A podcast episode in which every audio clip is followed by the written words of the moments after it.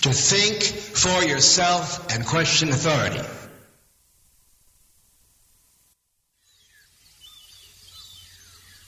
Piękny las w tle. Radio na fali.com w objęciach pięknego lasu.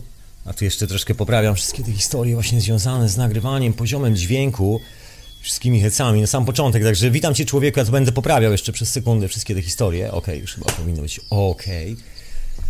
Zatem witam oficjalnie w hiperprzestrzeni w kolejnym odcinku w sobotni wieczór. Ja mam się na imię Tomek, a to wszystko się nazywa Radiem na Fali. No, oprócz tego jest transmitowane w radiu Paranormalium oraz w radiu Dreamtime. No oczywiście jest to radio na fali, radionafali.com. Taki jest też telefon do radia, tak zwany telefon, zawsze mówię telefon. Chodzi po prostu o Skype'a do radia. Jak chcesz się dozwonić, chcesz pogadać, bo to jest absolutnie na żywo w tą sobotę, jak zwykle w każdą sobotę o tej porze, wożę się jak wożę, że zacytuję kalibra. No właśnie. I może śmiało dzwonić, bo to jest absolutnie live i tu jestem na żywca. Jestem w Londynie, pomimo że mówię w języku polskim. Otóż to. Także człowieku, śmiało jakbyś chciał dzwonić, to się odzywa. Ja dzisiaj pociągnę troszkę wątek katastroficzny, bo tak się zrobiła przerwa po ostatniej audycji. Drobna przerwa z tymi wątkami katastroficznymi, a no takie czasy, że myślę, że warto było o tym wspomnieć. Tym bardziej tak rozgrzebałem ten temat, ciągle go rozgrzebuję i tu jest tyle bardzo intrygujących wątków, które gdzieś tam mi kole kolebią się po głowie. No i myślę, że czas najwyższy, żebym po kolei na tyle, na ile się da, wyrzucał te wątki z siebie. Tu w radiu, przy mikrofonie, w radiu na fali, w hiperprzestrzeni. Dokładnie. Ale zanim zacznę wyrzucać te wszystkie katastroficzne historie oraz... O nie, takie katastroficzne. No ale poniekąd. Ale to się dowiesz człowieku podczas trwania tej audycji. Ale zanim się zacznie, to chcę tu podziękować serdecznie Love wszystkim mecenasom Radia na Fali. Przepraszam jak najmocniej wszystkich mecenasów wspierających radio przez polskie konto. Mamy czasami totalne obsuwy, jeżeli chodzi o informacje z polskiego konta. Dostajemy je czasami, no tak jak widać ostatnio, chyba z półtora miesięcznym opóźnieniem. Za chwilę się to wszystko zmieni, bo w sumie w tym momencie, właściwie jestem w momencie przepinania konta na zupełnie inne. Także dalej będziesz mógł człowieku i ty dziewczyną wspierać radio na fali przez polski bank, przez polskie systemy płatności, niekoniecznie wbijając się w PayPal. I to dokładnie będzie zmienione już jutro. I już nie będziesz musiała i ty też nie będziesz miał czekać miesiąca, dwóch na to, żeby się pojawić na liście mecenasów. I ja też nie będę musiał czekać miesiąca ani dwóch na to, żeby się dowiedzieć, że ty w ogóle człowieku wsparłeś to radio. Za to ci wielce dziękuję i namaste. Peace and love i wielkie dzięki. Także już za chwilę to wszystko zostanie ogarnięte i myślę, że ta sprawa wreszcie zostanie rozwiązana raz i na zawsze. Także dzięki z góry, wielkie dzięki za cierpliwość w stosunku właśnie do mnie i do wymieniania cię człowieku w liście mecenasów. Otóż to. No ale jak widać cierpliwość się opłacała, bo radio dalej gra, dalej nadaje, ja dalej siedzę za mikrofonem, dalej ci opowiadam te historie. A co dzisiaj, oprócz tego wątku katastroficznego, ogłoszeń i tak dalej, i tak dalej, jak zwykle relaksacyjnie, bo ja też chcę zażyć troszeczkę relaksu w tą sobotę. Jestem po dniu, który można nazwać maratonem poniekąd, właściwie po całym tygodniu, który można nazwać maratonem. No nie jestem maratończykiem. Kurczę, przypomniał mi się film z Dustin Hoffmanem, Maratończyk. Doskonały film, polecam serdecznie. Taki stary film, lata 70. Młody Dustin Hoffman i naziści i nie tylko. Ciekawa historia, polecam. Ale to dla miłośników kina i nie w tym momencie, nie teraz, człowieku, teraz siedzisz tutaj, słuchasz mnie w radiu na fali. Miało nas być tutaj dwóch, e, czyli ja, czyli Tomek, oraz książę, bo książę gdzieś tu się, czyli książę Edward, który prowadzi etykietę zastępczą, bo książę jest tu w Londynie na miejscu i jest u mnie, zadekował się. Tak powiem, zeskłotował mi chatę i bardzo dobrze zeskłotował mi chatę, no ale jest gdzieś na jakichś zdjęciach, robi jakieś fotografie, no jeszcze się nie pojawił, widocznie dzień mu się przeciągnął troszeczkę, był taki plan, że on tu się troszeczkę wcześniej pojawi i że uda się okieznać całą tą robotę, wszystkie maile i tak dalej, bo to jak zwykle w takiej robocie jest masa organizacyjnych spraw i samo robienie zdjęć to nie wszystko. O czym tam książę u siebie sam opowiada w etykiecie zastępczej, do której cię człowieku serdecznie zapraszam. To jest prawdziwa relaksacyjna audycja i powiem ci, że ja słucham. Oczywiście etykiety zastępczej w środku tygodnia, jeżeli chce się zrelaksować, a zawsze w środku tygodnia warto się zrelaksować. No w sobotę też. W każdy dzień warto być zrelaksowanym. W ogóle relaks jest przede wszystkim podstawą bytu i egzystencji człowieka. Jak człowiek jest spięty, to idzie mu w pięty. to nic nie działa, to generalnie organizm wysiada, zdarzają się choroby i wiele innych rzeczy. To jest właśnie historia związana ze stresem, także człowieku unikaj stresu. Jeżeli ktoś ci mówi, że jak zepniesz po ślady i łydy, to na stresie coś zrobisz, że taki ostatni moment, że tam cię ktoś dociska i że to jest ten moment, w którym się czegoś uczysz. Sorry, niczego się nie uczysz, to jest tylko reakcja organizmu, która jest związana z przetrwaniem. Ty po prostu robisz pewne rzeczy tylko po to, żeby przetrwać w tej sytuacji. Mija 15 minut, sytuacja wraca do normy, się okazuje, że niczego się nikt nie nauczył, ani ty, ani ja. Poza tym, że wszyscy są obarczeni pozostałością owego stresu, czyli tak zwanym syndromem stresu pourazowego. Po angielsku się to nazywa PTSD, czyli Post Stress Disorder. Otóż to. I ja dzisiaj troszeczkę też wspomnę, może niekoniecznie o tym stresie, chociaż to też jest związane z tą całą historią związaną z katastrofizmem, który gdzieś się tu nam plącze pod nogami. No tak mi się wydaje trochę. No może nie katastrofizmem, chodzi o po prostu historię tego, co się dzieje aktualnie na świecie. O czym może nie każdy lubi myśleć, bo czasami jest tak z niektórymi ludźmi, że mają bardzo wysoki poziom czegoś, co się nazywa z angielskiego strefa komfortu, w oryginale comfort zone. No jest to takie gówniane zachowanie, które mniej więcej polega na tym, że wydaje ci się, albo mi się wydaje, że mam już wszystko, mam furę, mam skórę, mam komórę i dobrze mi się wiedzie i mogę mieć wszystko i wszystkich centralnie w dupie. Znaczy jestem miły, jestem sympatyczny, ale wiesz, mam swoje konto w banku i leję na wszystko, bo po prostu tak już jest. I dopóki jest mi dobrze, do tego momentu właściwie nie widzę problemu, żeby cokolwiek zmieniać, cokolwiek robić, cokolwiek, cokolwiek w ogóle, cokolwiek, absolutnie cokolwiek. No i efekt jest czasami taki, właściwie nie czasami, efekt jest taki, jaki mamy aktualnie na świecie. Za chwilę zdarzają się igrzyska w Brazylii, olimpijskie igrzyska, i nikt nie mówi o tym, że dokładnie w tej owej Brazylii trwa właściwie wojna domowa.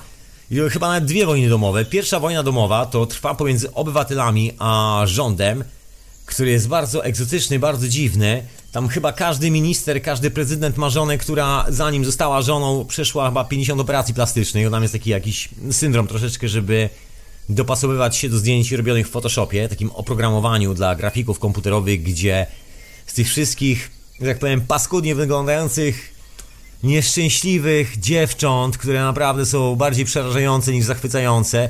Robi się, robi się piękne łabątki, piękne bóstwa za pomocą kilku machnięć na tablecie, czyli takim długopisiku, którym się dorysowuje tam troszkę, żeby piersi były ładniejsze, żeby nogi były dłuższe, żeby biodra były szczuplejsze.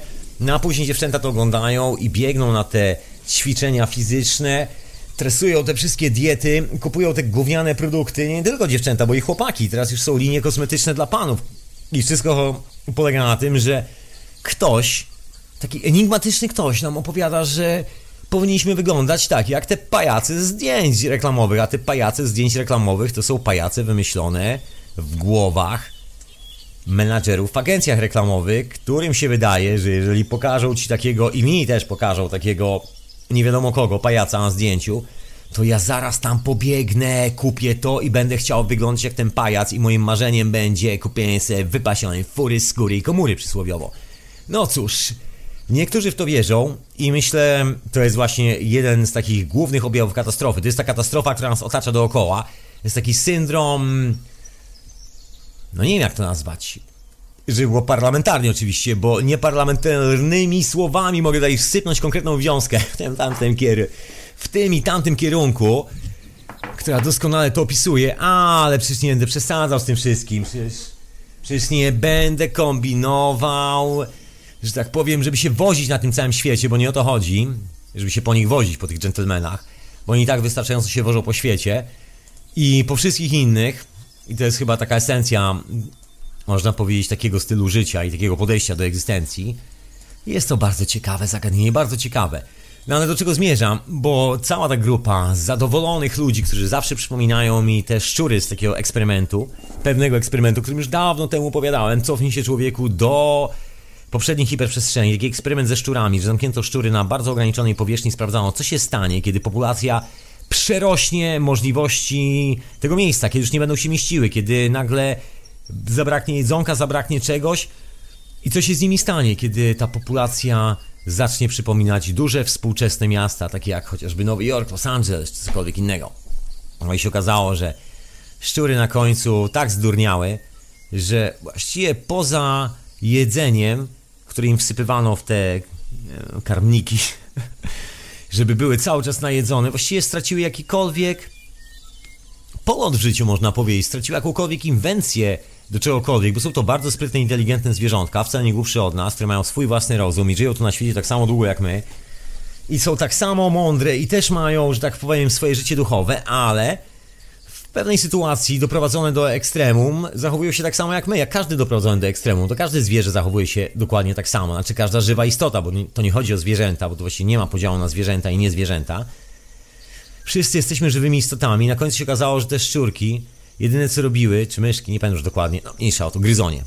To taka nazwa, która pasuje do wszystkiego. Te gryzonie z, zasnęły w takim etapie, jakby to określić, no tak, te gryzonie, poza tym, że jadły, jedyne czym innym się zajmowały, to było głaskanie swojego własnego futerka, po to, żeby ładnie wyglądać. I one tak dbały o swoje futerko. Zmieniły się w ogóle ich preferencje seksualne, nagle się okazało, że prawie wszyscy zostali homoseksualistami albo jakoś tak, a później w ogóle wszystko zanikło, jakiekolwiek popędy seksualne, została tylko potrzeba dobrego wyglądania, czyli gładzenia sobie futerka. To jest dokładnie tak jak w dzisiejszych czasach, kiedy otwierasz gazetę, ja nie otwieram gazety, bo nie kupuję, żadnej gazety nie kupuję, nie jestem głupi, nie kupuję tego bullshitu, nie, nie, zapomnij człowieku, no way. Jak podchodzi do mnie człowiek na ulicy i pyta się, czy chce gazetę, macham ręką, ja, thanks mate, not for me. Sam sobie czytaj to gówno. Ja nie mam czasu na takie bzdury. I w tych gazetach, w tych telewizorach i tak dalej, to akurat mnie nie najmniej obchodzi, bo ani nie mam telewizora, ani nie kupuję gazet, ani w ogóle ten cały shit mnie, że tak powiem, nie dotyczy. Ale idąc ulicą, człowiek jest skazany na obserwowanie czasami różnych reklam. Inna sprawa, że ulica jest tak zaprojektowana, że w dużym mieście, w współczesnych czasach, no praktycznie fizycznie niemożliwością jest przejście przez taką ulicę i nie zostać zgarniętym przez parę reklam. Bo wszędzie, gdziekolwiek jest czysta przestrzeń, jest taki syndrom lokalnych menadżerów, ludzi, którzy mają bardzo duże kompleksy, że ich świat, świat komfortu, świat, w którym się realizują, świat, w którym nie wiadomo co widzą, no ale to jest skończenie ich świat, runie, kiedy nie wystawią mi jakiejś reklamy przed moimi oczami, kiedy nie będę się potykał o ich e, oferty, oferty na lepsze życie albo cokolwiek innego. Uch, e, drapieżnie to wygląda, tak powiem. Jak człowiek wychodzi do lasu, to jest miło, bo nie musi konfrontować się z takimi historiami. Jak człowiek wychodzi w takie miejsce, gdzie jest dużo reklam, dużo ludzi przede wszystkim, to nagle się okazuje, że w tym miejscu, gdzie jest dużo ludzi, pojawia się bardzo dużo reklam. To jest między innymi problem każdego fajnego miejsca w każdym dużym albo mniejszym albo średnim mieście albo nawet w małej wiosce. No w małej wiosce chyba nie za bardzo, ale w, w takich miejskich klimatach, że kiedy pojawia się naprawdę fajne miejsce i ludzie, którzy naprawdę mają w dupie gonitwę za tym poczuciem nie wiadomo czego, za tą iluzją nazwaną komfortem, która w ogóle nie jest żadnym komfortem, tak naprawdę jest to tylko i wyłącznie próbą załagodzenia w sobie tego konfliktu, że każdy z nas wie, że kolesie, którzy sprzedają nam ten kit, robią z nas niewolników, ale nie każdy chce w to uwierzyć. Znakomita część woli traktować siebie jako nie, nie, nie, ja nie jestem niewolnikiem. Ja pewnego dnia zostanę menadżerem, ja pewnego dnia osiągnę coś, pojadę na fajne wakacje, tam odpocznę, albo zrobię coś sensownego w swoim życiu. Niektórzy jeszcze mają jazdę, że wychowają dzieci, że to jest jeszcze jakiś sens w życiu i to dziecko nada ten sens życiu i tak dalej. No różne są pomysły na życie, różne szalone. Ja tu nie chcę, że tak powiem, oceniać, bo też nie, nie moja rola w tym, żeby oceniać jakiekolwiek pomysły na życie. Każdy sobie ma taki pomysł, jaki ma. Historia jest tylko związana z toksycznością tego, bo albo jest pewien sposób na życie, który dotyka swoją toksycznością innych osobników, czyli generalnie, jeżeli koleś w restauracji, w której jesteśmy razem ze znajomymi, zwariuje i zacznie machać siekierą i no właśnie, wymyśli sobie, że musi wszystkich porąbać na kawałki, no to jest to, że tak powiem, słabo komfortowa sytuacja, bo mamy do czynienia z, z patologicznym przykładem świra. I w tym przypadku mamy dokładnie tą samą sytuację, jeżeli chodzi o naszą radosną cywilizację, bo ludzie, którzy zarządzają tą cywilizacją, to są po prostu patologiczne świry, kompletnie takie zdezolowane umysły. Nie chcę tutaj rzucać wielkich słów, generalnie, może nie tyle wielkich słów, ile, ile ciężkich słów, bo jest sobota wieczór, nie chcę tu wrzucać jakichś wielkich ciężarów na głowę człowieku. Chcę, chcę żebyś się troszeczkę zrelaksował tutaj razem ze mną. No w każdym razie esencja tego jest taka, że to całe towarzystwo jest święcie przekonane o tym, że cały ten shit ich ominie. Że to jest w ogóle sprawa, która ich nie obchodzi. Że jak zatankują benzynę swojego samochodu, to tak naprawdę nic złego się nie stanie. To nie muszą zatankować tą benzynę, bo przecież na tym to polega. Ale nikt sobie nie zadaje pytania, skąd się bierze ta benzyna? Dlaczego jest tak, że miliony ludzi nagle dostają po dupie na świecie i to nawet nie po dupie, tylko spuszcza się na nich bomby klasterowe. Jak na ironię są to bomby klasterowe produkowane, zdaje się nawet, przynajmniej elementy tych bomb, produkowane w Polsce. Miejsce nazywa się Syria i tam właśnie te bomby klasterowe spadają. No ale oczywiście, kiedy człowiek stoi, nalewa benzynę do baku, to się zastanawia, mm, może by tu zrobić jakiś biznes, jakiś sukces, żeby było na więcej benzyny, na jeszcze większy samochód z napędem na cztery koła, już nie tylko na dwa, i żeby tam wlać więcej benzyny, bo jak mój sąsiad zobaczy tam furę, która ma napęd na cztery koła i pali tyle co smog wawelski, jeżeli kiedykolwiek istniał, to znaczy, że ja jestem kimś. No w rzeczywistości sytuacja wygląda dosyć odwrotnie, bo każdy inteligentny, zdrowy człowiek, widząc taką sytuację, generalnie zastanowi się i stwierdzi, ludzie, z jakimi pajacami my tu mamy do czynienia? Przecież to jest naprawdę taki obraz kompletnej katastrofy. To jest właśnie ta katastrofa. Brak jakiejkolwiek refleksji, brak takiej konsekwencji w myśleniu, że przecież człowieku, to co robisz, to jest, to jest świat, który cię otacza i są konsekwencje pewnych historii, które się tu dzieją. Jeżeli wdepniesz w ten shit i zaczniesz to robić, no to naturalne będzie to, że wszystkie konsekwencje tego zjawiska ci dopadną. Ja gdzieś sobie ostatnio przeglądałem, a to z okazji wizyty księcia, który tutaj parkuje, mam nadzieję, że się pojawi za jakiś czas i może dołączy do moich refleksji. Właśnie tak wspomnieliśmy troszeczkę sobie w rozmowach o różnych historiach i to z Polski, nie z Polski, z różnych miejsc, bo książę należy do ludzi, którzy podróżują po świecie, także ma okazję poprzyglądać się troszeczkę, jak wygląda w kilku innych kątach. Ja naprawdę słabo podróżuję, także nie jestem tutaj oberżyświatem, zupełnie nie jestem oberżyświatem. Jestem Londyjczykiem, zamieszkałem w tym mieście i utkwiłem w nim, ale kocham to miasto, także jestem u siebie w domu, absolutnie. I bardzo dobrze. Każdy ma jakiś dom gdzieś, przynajmniej w którymś momencie swojego życia. Ja z reguły mam dom tam, gdzie aktualnie mieszkam, tam gdzie mam łóżko. Wyznaję taką zasadę, że mój dom jest dokładnie tam, gdzie stoi mój talerz, moje łóżko, gdzie mogę napić się herbaty, gdzie mogę się zrelaksować. Czyli właściwie mój dom jest wszędzie, bo mój dom jest w mojej własnej głowie, a miejsce takie fizyczne to już jest sprawa bardziej drugorzędna. I też inna sprawa, że mam taką obsesję, że strasznie nie lubię mieć dużo rzeczy w życiu. To mnie trochę przeraża, bo przez parę lat pomimo, że nie jestem obryży światem, przeprowadzałem się z miejsca na miejsce. Były takie momenty, nie wiem, czy kiedyś nie wspominałem, policzyłem kiedyś, ile się przeprowadzałem w ciągu, pamiętam, taki był okres 5 lat czy 4 lat, coś takiego, czy może trochę więcej. Jak policzyłem, to wyszło mi, że właściwie zaliczyłem w ciągu tych 5 czy 3 lat, to był taki dosyć krótki okres, w okolicach a nie, nie pamiętam ile przeprowadzek, ale pamiętam, że z tego wyliczenia wyszło mi że co 3,5 miesiąca się przeprowadzałem. Czasami się przeprowadzałem z miasta do miasta, czasami z kraju do kraju. Różne rzeczy. Znaczy, po, przeprowadzałem się pomiędzy właściwie trzema krajami i raz, dwa, trzy, jakieś pięć, sześć miast. Jakoś tak.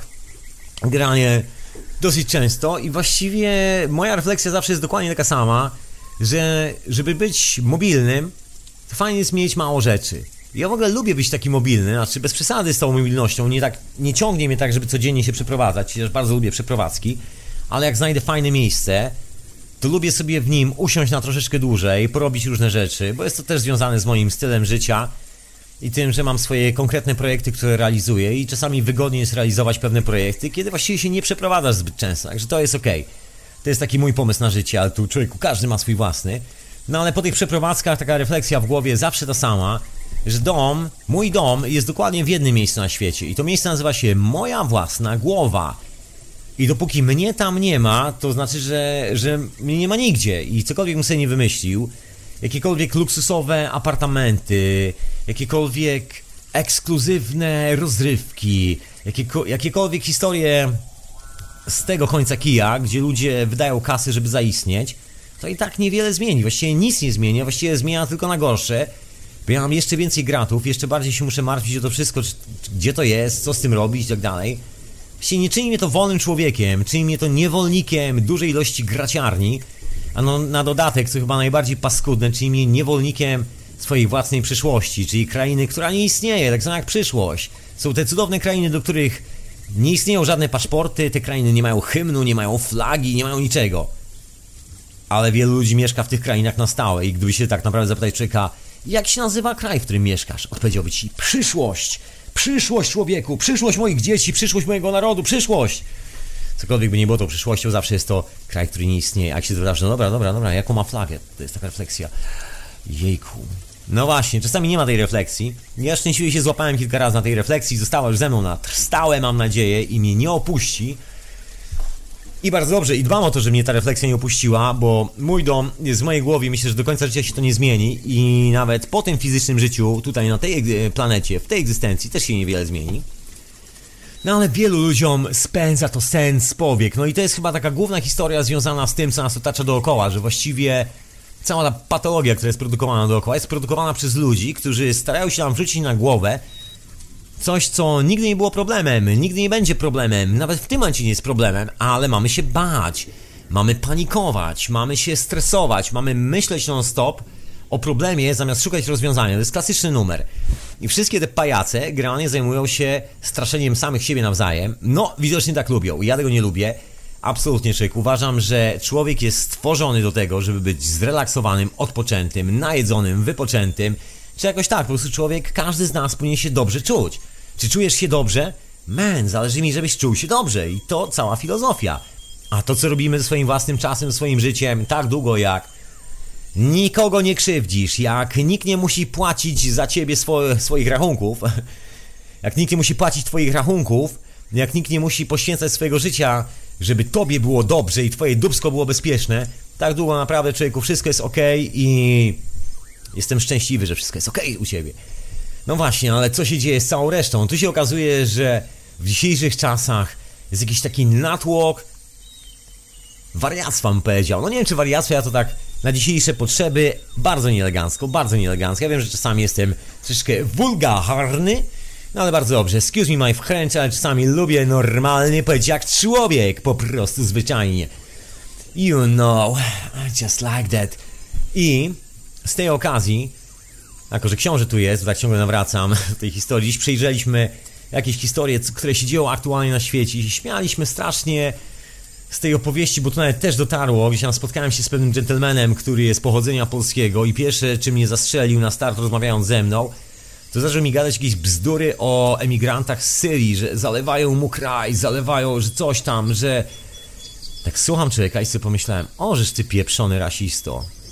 Mieszkasz w kraju, którego nie jesteś obywatelem, a masz pretensje do kolesi, do ludzi, którzy niekoniecznie chcą mieszkać w miejscu takim, gdzie na twoją głowę, gdzie na ich głowy spadają bomby klasterowe budowane w Polsce. Jeszcze na dodatek przecież żadni emigranci do Polski nie uciekają, przecież to jest jakiś po prostu mit. Ktoś ludziom takie gówno do głowy wkłada, że to się po prostu nie mieści. W mojej głowie absolutnie się nie mieści. Nic a nic. I to jest taka polityka strachu, że gdziekolwiek nie pójdziesz, tak oficjalnie do jakiegoś miejsca, gdzie człowiek, gdzie człowiek przekazuje ci informacje, oficjalnie ma dla ciebie news, to nagle się okazuje, że tym newsem jest strach. I masz się bać innych ludzi, masz się bać tego, że, że coś się stanie, masz się bać tego, że twoja przyszłość jest zagrożona. Żaden z tych kolesi nie jest w stanie zapewnić ci normalnych warunków do funkcjonowania teraz, w teraźniejszości, tutaj. Żaden z tych kolesi nie jest w stanie, nie chce dać ci żadnego rozwiązania. Żaden z tych kolesi nawet nie szuka rozwiązania. Każdy z nich tylko czeka, żeby zarobić kasę. I przy okazji przestraszyć wszystkich dookoła. Bo w jego mniemaniu to jest, to jest jedyne rozwiązanie. My musimy się bać, mordować i nie tylko. I oczywiście musimy oczywiście pamiętać o tym, że jest przyszłość. I ta przyszłość oczywiście jest związana z naszymi lękami i że my musimy gdzieś coś przeciw, przeciwdziałać temu, że musimy się organizować, coś robić, coś. A najlepiej to wziąć karabin do ręki i stać na granicy swojego porządku i spokoju moralnego, czy jakoś tak. No dosyć egzotyczna historia. Mi się to zawsze kojarzy troszkę z moją młodością, kiedy sobie przypominam takich Benzfałów. Ja byłem dosyć młodym człowiekiem.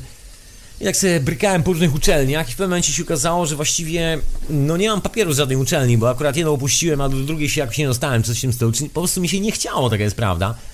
Inna sprawa, że miałem już wtedy życie zawodowe, miałem swoją dziewczynę, Miałem swój job, miałem swoją małą firmę, miałem rzeczy do robienia w życiu, miałem swoje hobby, miałem po prostu swoje własne życie. Nagle dostaję tak zwany bilet, że przychodzą kolesi i mówią Kolego, od jutra w brązowe buty, czyli generalnie chcieli zabrać mnie do armii. No efekt wyglądał tak, że przez 4 lata musiałem się ukrywać.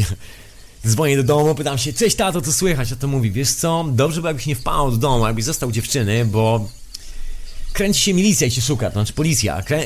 Wtedy jeszcze chyba była milicja i policja, była akurat w tym momencie przejściowym, gdzie, że tak powiem, dzielni stróże prawa, ludzie, którzy sobie wymyślili, że jak skrzywdzą innych za nic, to, to zrobią porządek na świecie. Też jest objaw choroby psychicznej, taki dosyć mocny, że jak założysz mundur, to się czujesz ważniejszy, bo teoretycznie reprezentujesz jakieś prawo. Ale jakie prawo reprezentujesz? No właśnie, jakie prawo, jeżeli jesteś policjantem, a szczególnie w kraju, gdzie na przykład kanabis jest nielegalny i ludzi się aresztuje za kanabis, a kanabis jest lekarstwem na raka. Z kanabis robi się olej RSO, Rick Simpson Oil, czyli olej Ricka Simpsona, mówiąc już tak normalnie, który się robi dosłownie w kuchni, na stole w ciągu pół dnia, jeżeli masz rośliny, bez problemu, no może nie pół dnia, no dobra, no cały dzień ci zajmie, zrobisz sobie niedzielę w kuchni i masz naprawdę wystarczająco dużo oleju, żeby uratować człowieka przed śmiercią, bo na przykład człowiek ma raka, jeżeli chcesz go wyleczyć, to jest to jedna opcja, bo o ile...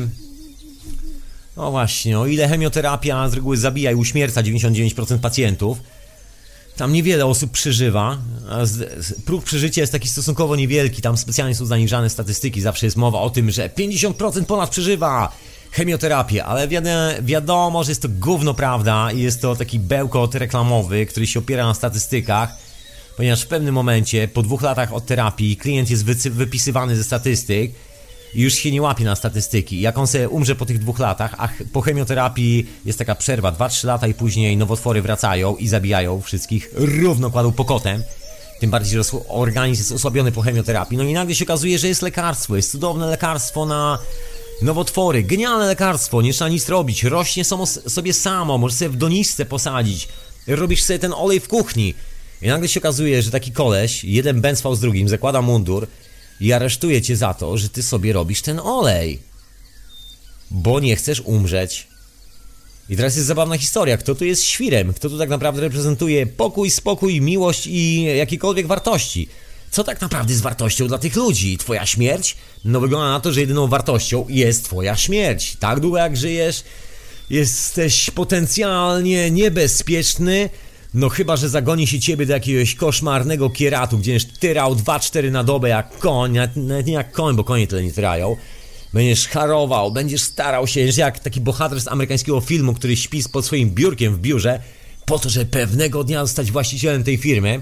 W filmie zostaje, ale kiedy film się kończy, a ty wracasz do domu, się okazuje, że raczej szans na zostanie właścicielem tej spółki, w której pracujesz, to raczej wątpliwe delikatnie mówiąc wątpliwe. One się nigdy, to się nigdy nie wydarzy, człowieku, zapomnij o tym. Ty masz spłacać kredyt do końca życia. To jest twoje przeznaczenie. No właśnie, i to jest ta niby cudowna przysz... cudowna rzeczywistość, według której ma powstać cudowna przyszłość, według tych, którzy uważają, że naprawdę świat jest zajebisty, nic nie trzeba zmieniać, wszystko jest super, żyjemy w cudownych czasach, technika jest genialna, dokonaliśmy skoku w kosmos, poleciliśmy na księżyc, leczymy ludzi z raka i tak, tak słuchasz, tak sobie się zastanawiasz, kogo tutaj pogięło? Kto tu w co uwierzył?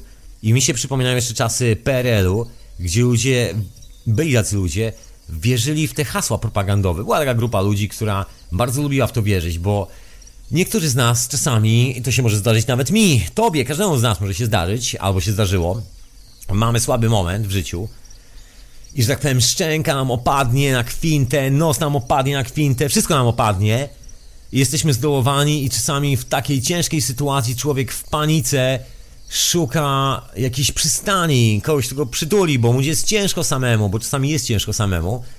No właśnie, i wtedy się łapie na tą propagandę, która wystawia tą pomocną dłoń. Witam Kondi, witam serdecznie. Witam Tomku, serdecznie, bardzo. Ola, ola, jak zdrówko, proszę pana. No generalnie bardzo dobrze. Doskonale. Doskonale. Proszę mówić, z czym pan dzwonił, ja tu się rozkręcam swoimi opowieściami. No, W katastrofach. e, temat tak trochę imigrantów i generalnie zrobić taki tak przez wszystko, co można.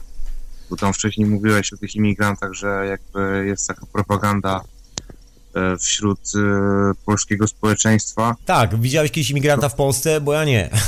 Powiem ci, że widziałem, ale nie nazwałbym ich imigrantami. Generalnie może ludzi, którzy poszukują e, studiów, tam lepszej edukacji i tak dalej, bo teraz tam Ale to nie jest emigrant, czego? To nie jest emigrant, to jest ktoś, kto wpadł do ciebie, ci odwiedzić na 4 lata, pomieszkać u ciebie, nauczyć się czegoś i zaraz znika. To nie ma, nie ma w Polsce imigrantów. Z Polski wyjechało prawie 10 milionów ludzi, obywateli, Polaków uciekło.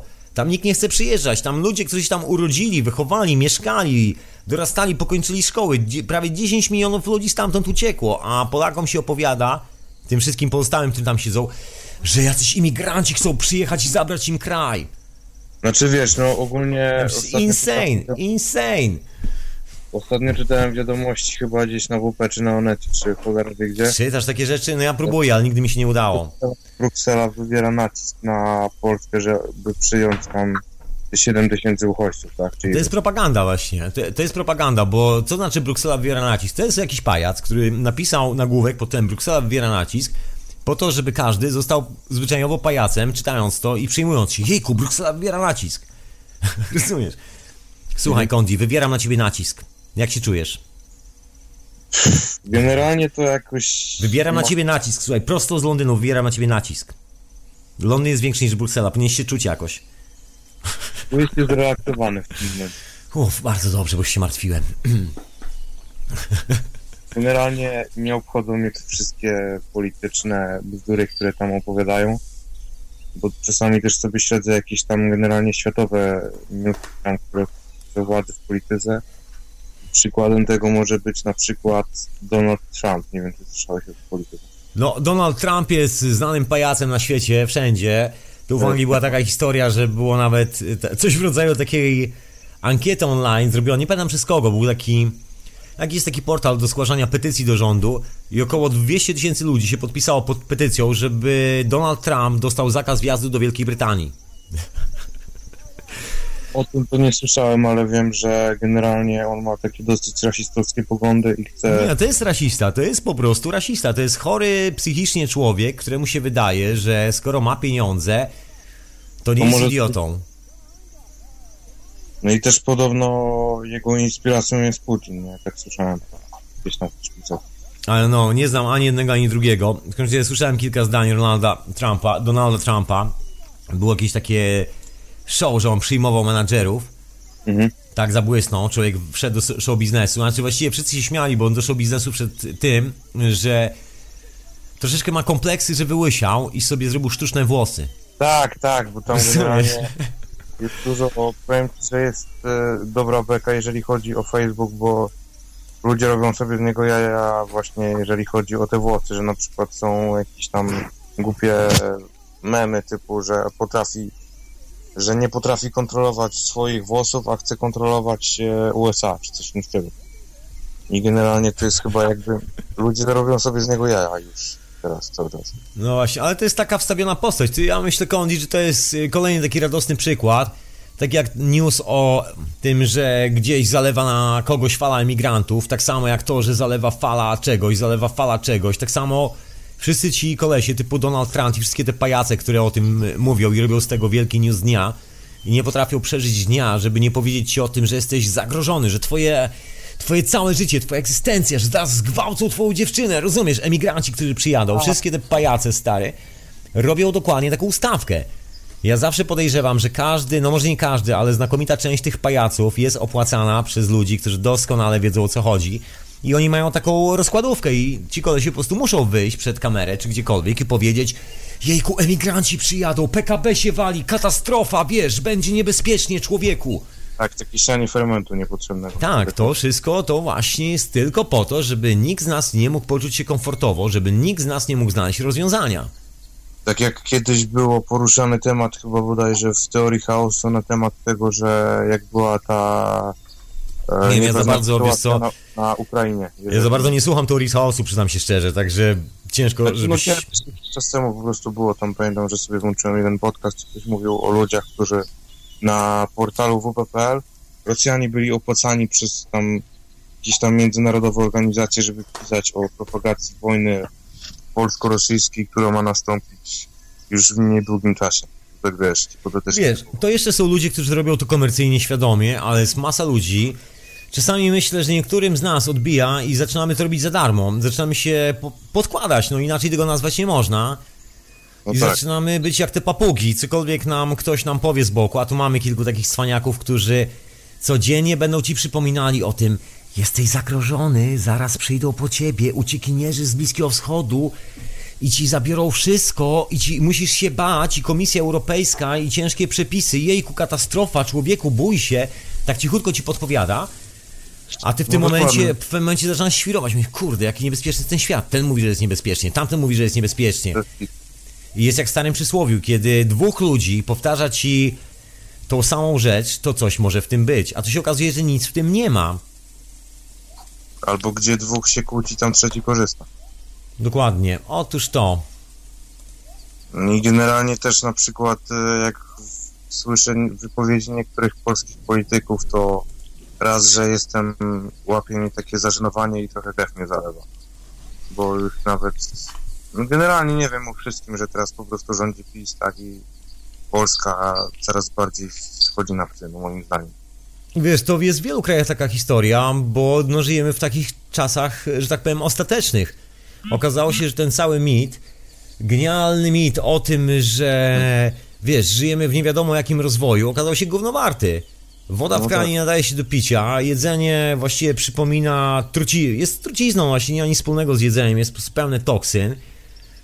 Cywilizacja, która powstała dookoła tego, właściwie jest cywilizacją niewolnika, który musi pracować przez 40 lat czy 30 lat po to, żeby zarobić na życie, a już nie na jej losie, na utrzymanie, wychowanie dzieci, wysłanie ich do szkół albo cokolwiek w tym stylu. To jest praktycznie fizycznie nieosiągalne.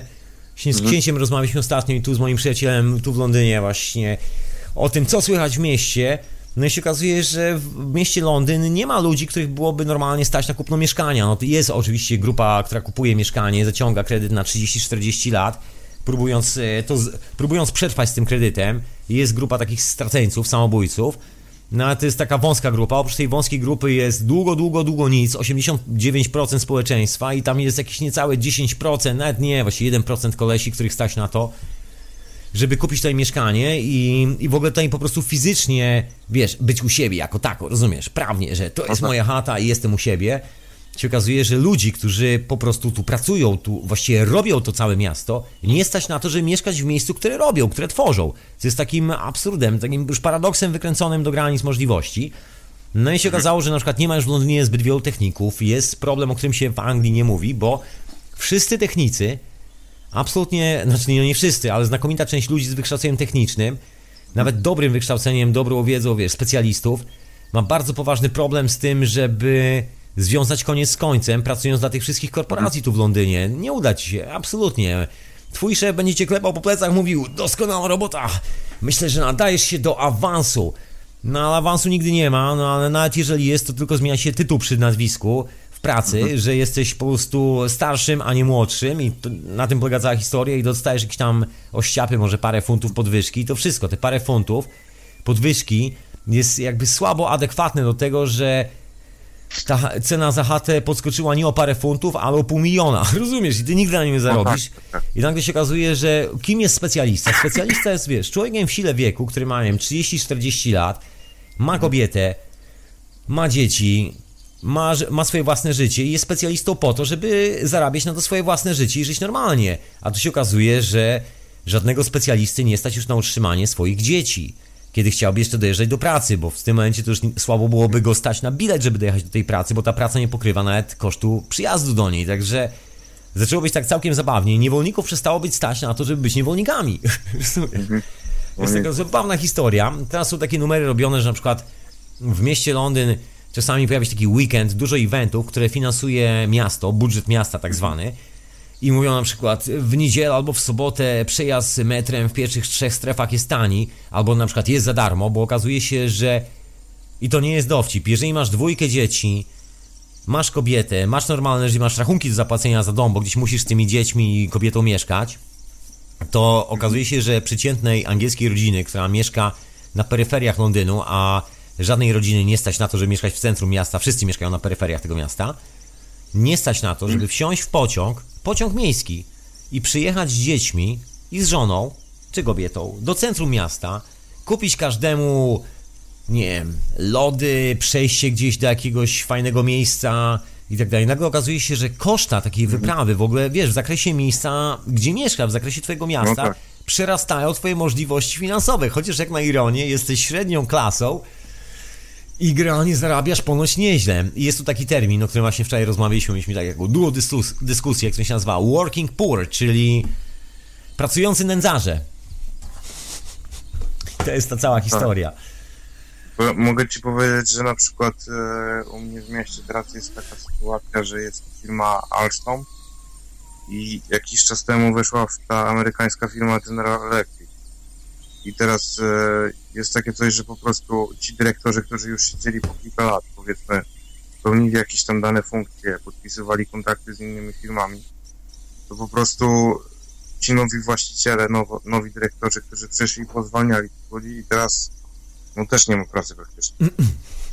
Nie wiem, czy to ma w ogóle jakiś... To nie ma żadnego sensu, jest taki working poor, po prostu tyrasz, tyrasz, tyrasz i tak na końcu się okazuje, że właściwie, no, no co, Bo- no, Jest, jest tak, że po prostu poświęcasz całe swoje życie tam danemu jakby e, swojej pracy, tak, a nagle się okazuje, że wiesz, no, na, ta, no, nowa Tak. firma, nowy kontrakt i jest, jesteś out, tak? No, na tym, to, na tym to polega. Na otarcie łez możesz sobie włączyć telewizor, obejrzeć swój ulubiony serial, a jeżeli nie oglądasz seriali, to zawsze możesz zostać na przykład patriotą narodowym i tu ta mafia, która się nazywa rządem, zawsze ma dla ciebie taką propozycję, że chodź na meczyk, chodź, nasza drużyna wygra, zostań patriotą. Przynajmniej będziesz dumny z tego, że jesteś na przykład Anglikiem albo jesteś Polakiem. Bądź patriotą. No może jesteś nędzarzem, może nie stać się na normalne życie, może okradamy cię ze wszystkiego, co masz, może doprowadziliśmy do tego, że jesteś niewolnikiem i twoje dzieci będą spłacały te kredyty przez kolejne 50 lat, a ich wnuki przez 100 lat.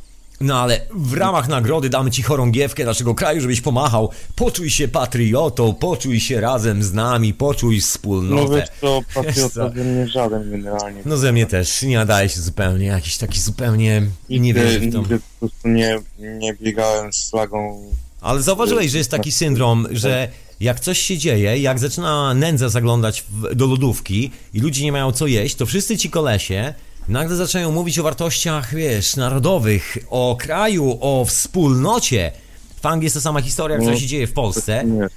I teraz, że tak powiem, lokalni złodzieje i, i pedofile, no bo to właściwie jest rząd Camerona, to właściwie banda pedofili, jeszcze po Margaret Thatcher, straszni złodzieje, tacy mordercy też zawodowi, bo to handlarze bronią, handlarze śmiercią, handlarze heroiną, którzy tam oficjalnie mówią, że niby wprowadzają kapitalizm, który polega na tym, że wymordowali połowę świata. I tak po prostu za nic, tak zwyczajnie po prostu się nudzili.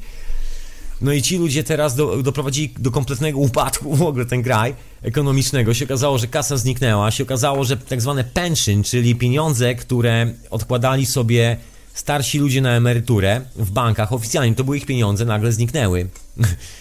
Bo po prostu banda pedofilów e, wzięła sobie te pieniądze, nie wiem, chyba na szampana albo nie wiem, może coś sobie chcieli drugiego kupić, może drogie torebki wysadzane brylantami dla swoich pociech. I don't know, nie mam bladego pojęcia. W każdym razie kasa zniknęła.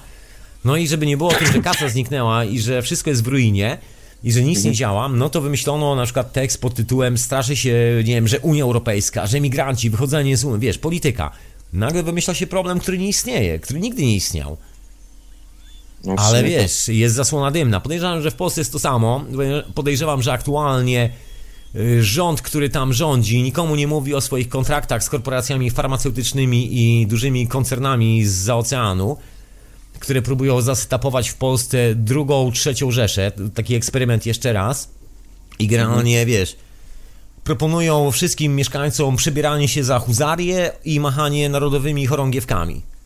I oczywiście oglądanie wyczynów sportowych lokalnej drużyny, która odnosi sukcesy na arenie międzynarodowej. I to ponoć ma zapewnić ci pełną lodówkę i to ponoć ma spowodować, że będziesz czuł się syty, najedzony i szczęśliwy.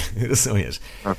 Właśnie to, że zobaczysz polską flagę i orzełka na flace. Będziesz Ja naprawdę a propos- bardzo najedzony od A tego. propos tych, tych wydawania pieniędzy, że tak powiem, przez rząd, to, to wspomniałeś wcześniej, to nam moim, na przykładzie mojego miasta w sumie mogę powiedzieć, że w Elblągu była taka sytuacja, że kiedyś właśnie prezydent z rodziną pojechali sobie gdzieś na do Dubaju czy cholera wie gdzie i wydali tam pieniądze, które miasto zainwestowało w jakieś tam powiedzmy, nie wiem, wydarzenia czy coś i po prostu No, zrobili sobie wydarzenie w Dubaju, wiesz. Do no tego, że wiesz, że, Mo- ten, że zwolnili tego prezydenta. Kondi, że- kondi, pokój hotelowy był za, był za mały, nie zmieściłbyś się, daj spokój, zostaw. Tam poza tym za gorąco było, naprawdę nie spodobałoby ci się, zapomnij, nie, nie. To on pojechał sprawdzić dla ciebie, żeby wiesz, dla do, dobra twojego, on pojechał sprawdzić, bo ty może później byś pojechał i byś był rozczarowany, a tak wiesz, wziąłeś two- twoje pieniądze, pojechał i sprawdził, wiesz. No tak jak polski prezydent, który zaraz po tym jak został wybrany, szybko pojechał podpisywać kontrakty ze swoim kontem, na które zostanie przelana kasa za y, br- brudne wały z korporacjami farmaceutycznymi, bo ten pan już tam ma na koncie dobrze zarobione, dobrze już. On oczywiście maga flag, macha flagą, wiesz, tam opowiada różne niesamowite no. historie, robi mądrą minę i pokazuje, jaką ma ładną córkę i tak dalej. I Jaka cudowna żona. I w ogóle jaka fantastyczna polska, patriotyczna rodzina. Chodzi generalnie, klepie czołem w podłogę w kościele, tak żeby nie było. No a inna sprawa, że on ma pieniądze w korporacji watykańskiej, bo aktualnego prezydenta Polski obsługuje Bank of Vaticano. To on tam ma swoje miliony, bo on tak na co dzień udaje takiego biednego kolesia, że on, wiesz, Prawo i Sprawiedliwość, on jest taki, wiesz, patriota. No ale taki z niego patriota jak z koziej dupy trąba oczywiście, bo... No, dokładnie. no, otóż to. To Teraz mocna ustawka jest. taka sprawa odnośnie Lecha Wałęsy, nie wiem, czy tam więcej śledzisz. Nie, nie śledzę, nie śledzę. Wiem od y, bardzo dawna, mogę nawet powiedzieć, że chyba od prawie 20 lat, y, kim był Bolek, także nie jest to żadną tajemnicą. To chyba jest największy problem tych, którzy On ciągle... zaczęli właśnie go o to oskarżać, że on y, był takim jakby konfidentem za... No ale to wiadomo od ponad 20 lat. Gwiazdowie to wiedzą od 30 lat, to już stara sprawa.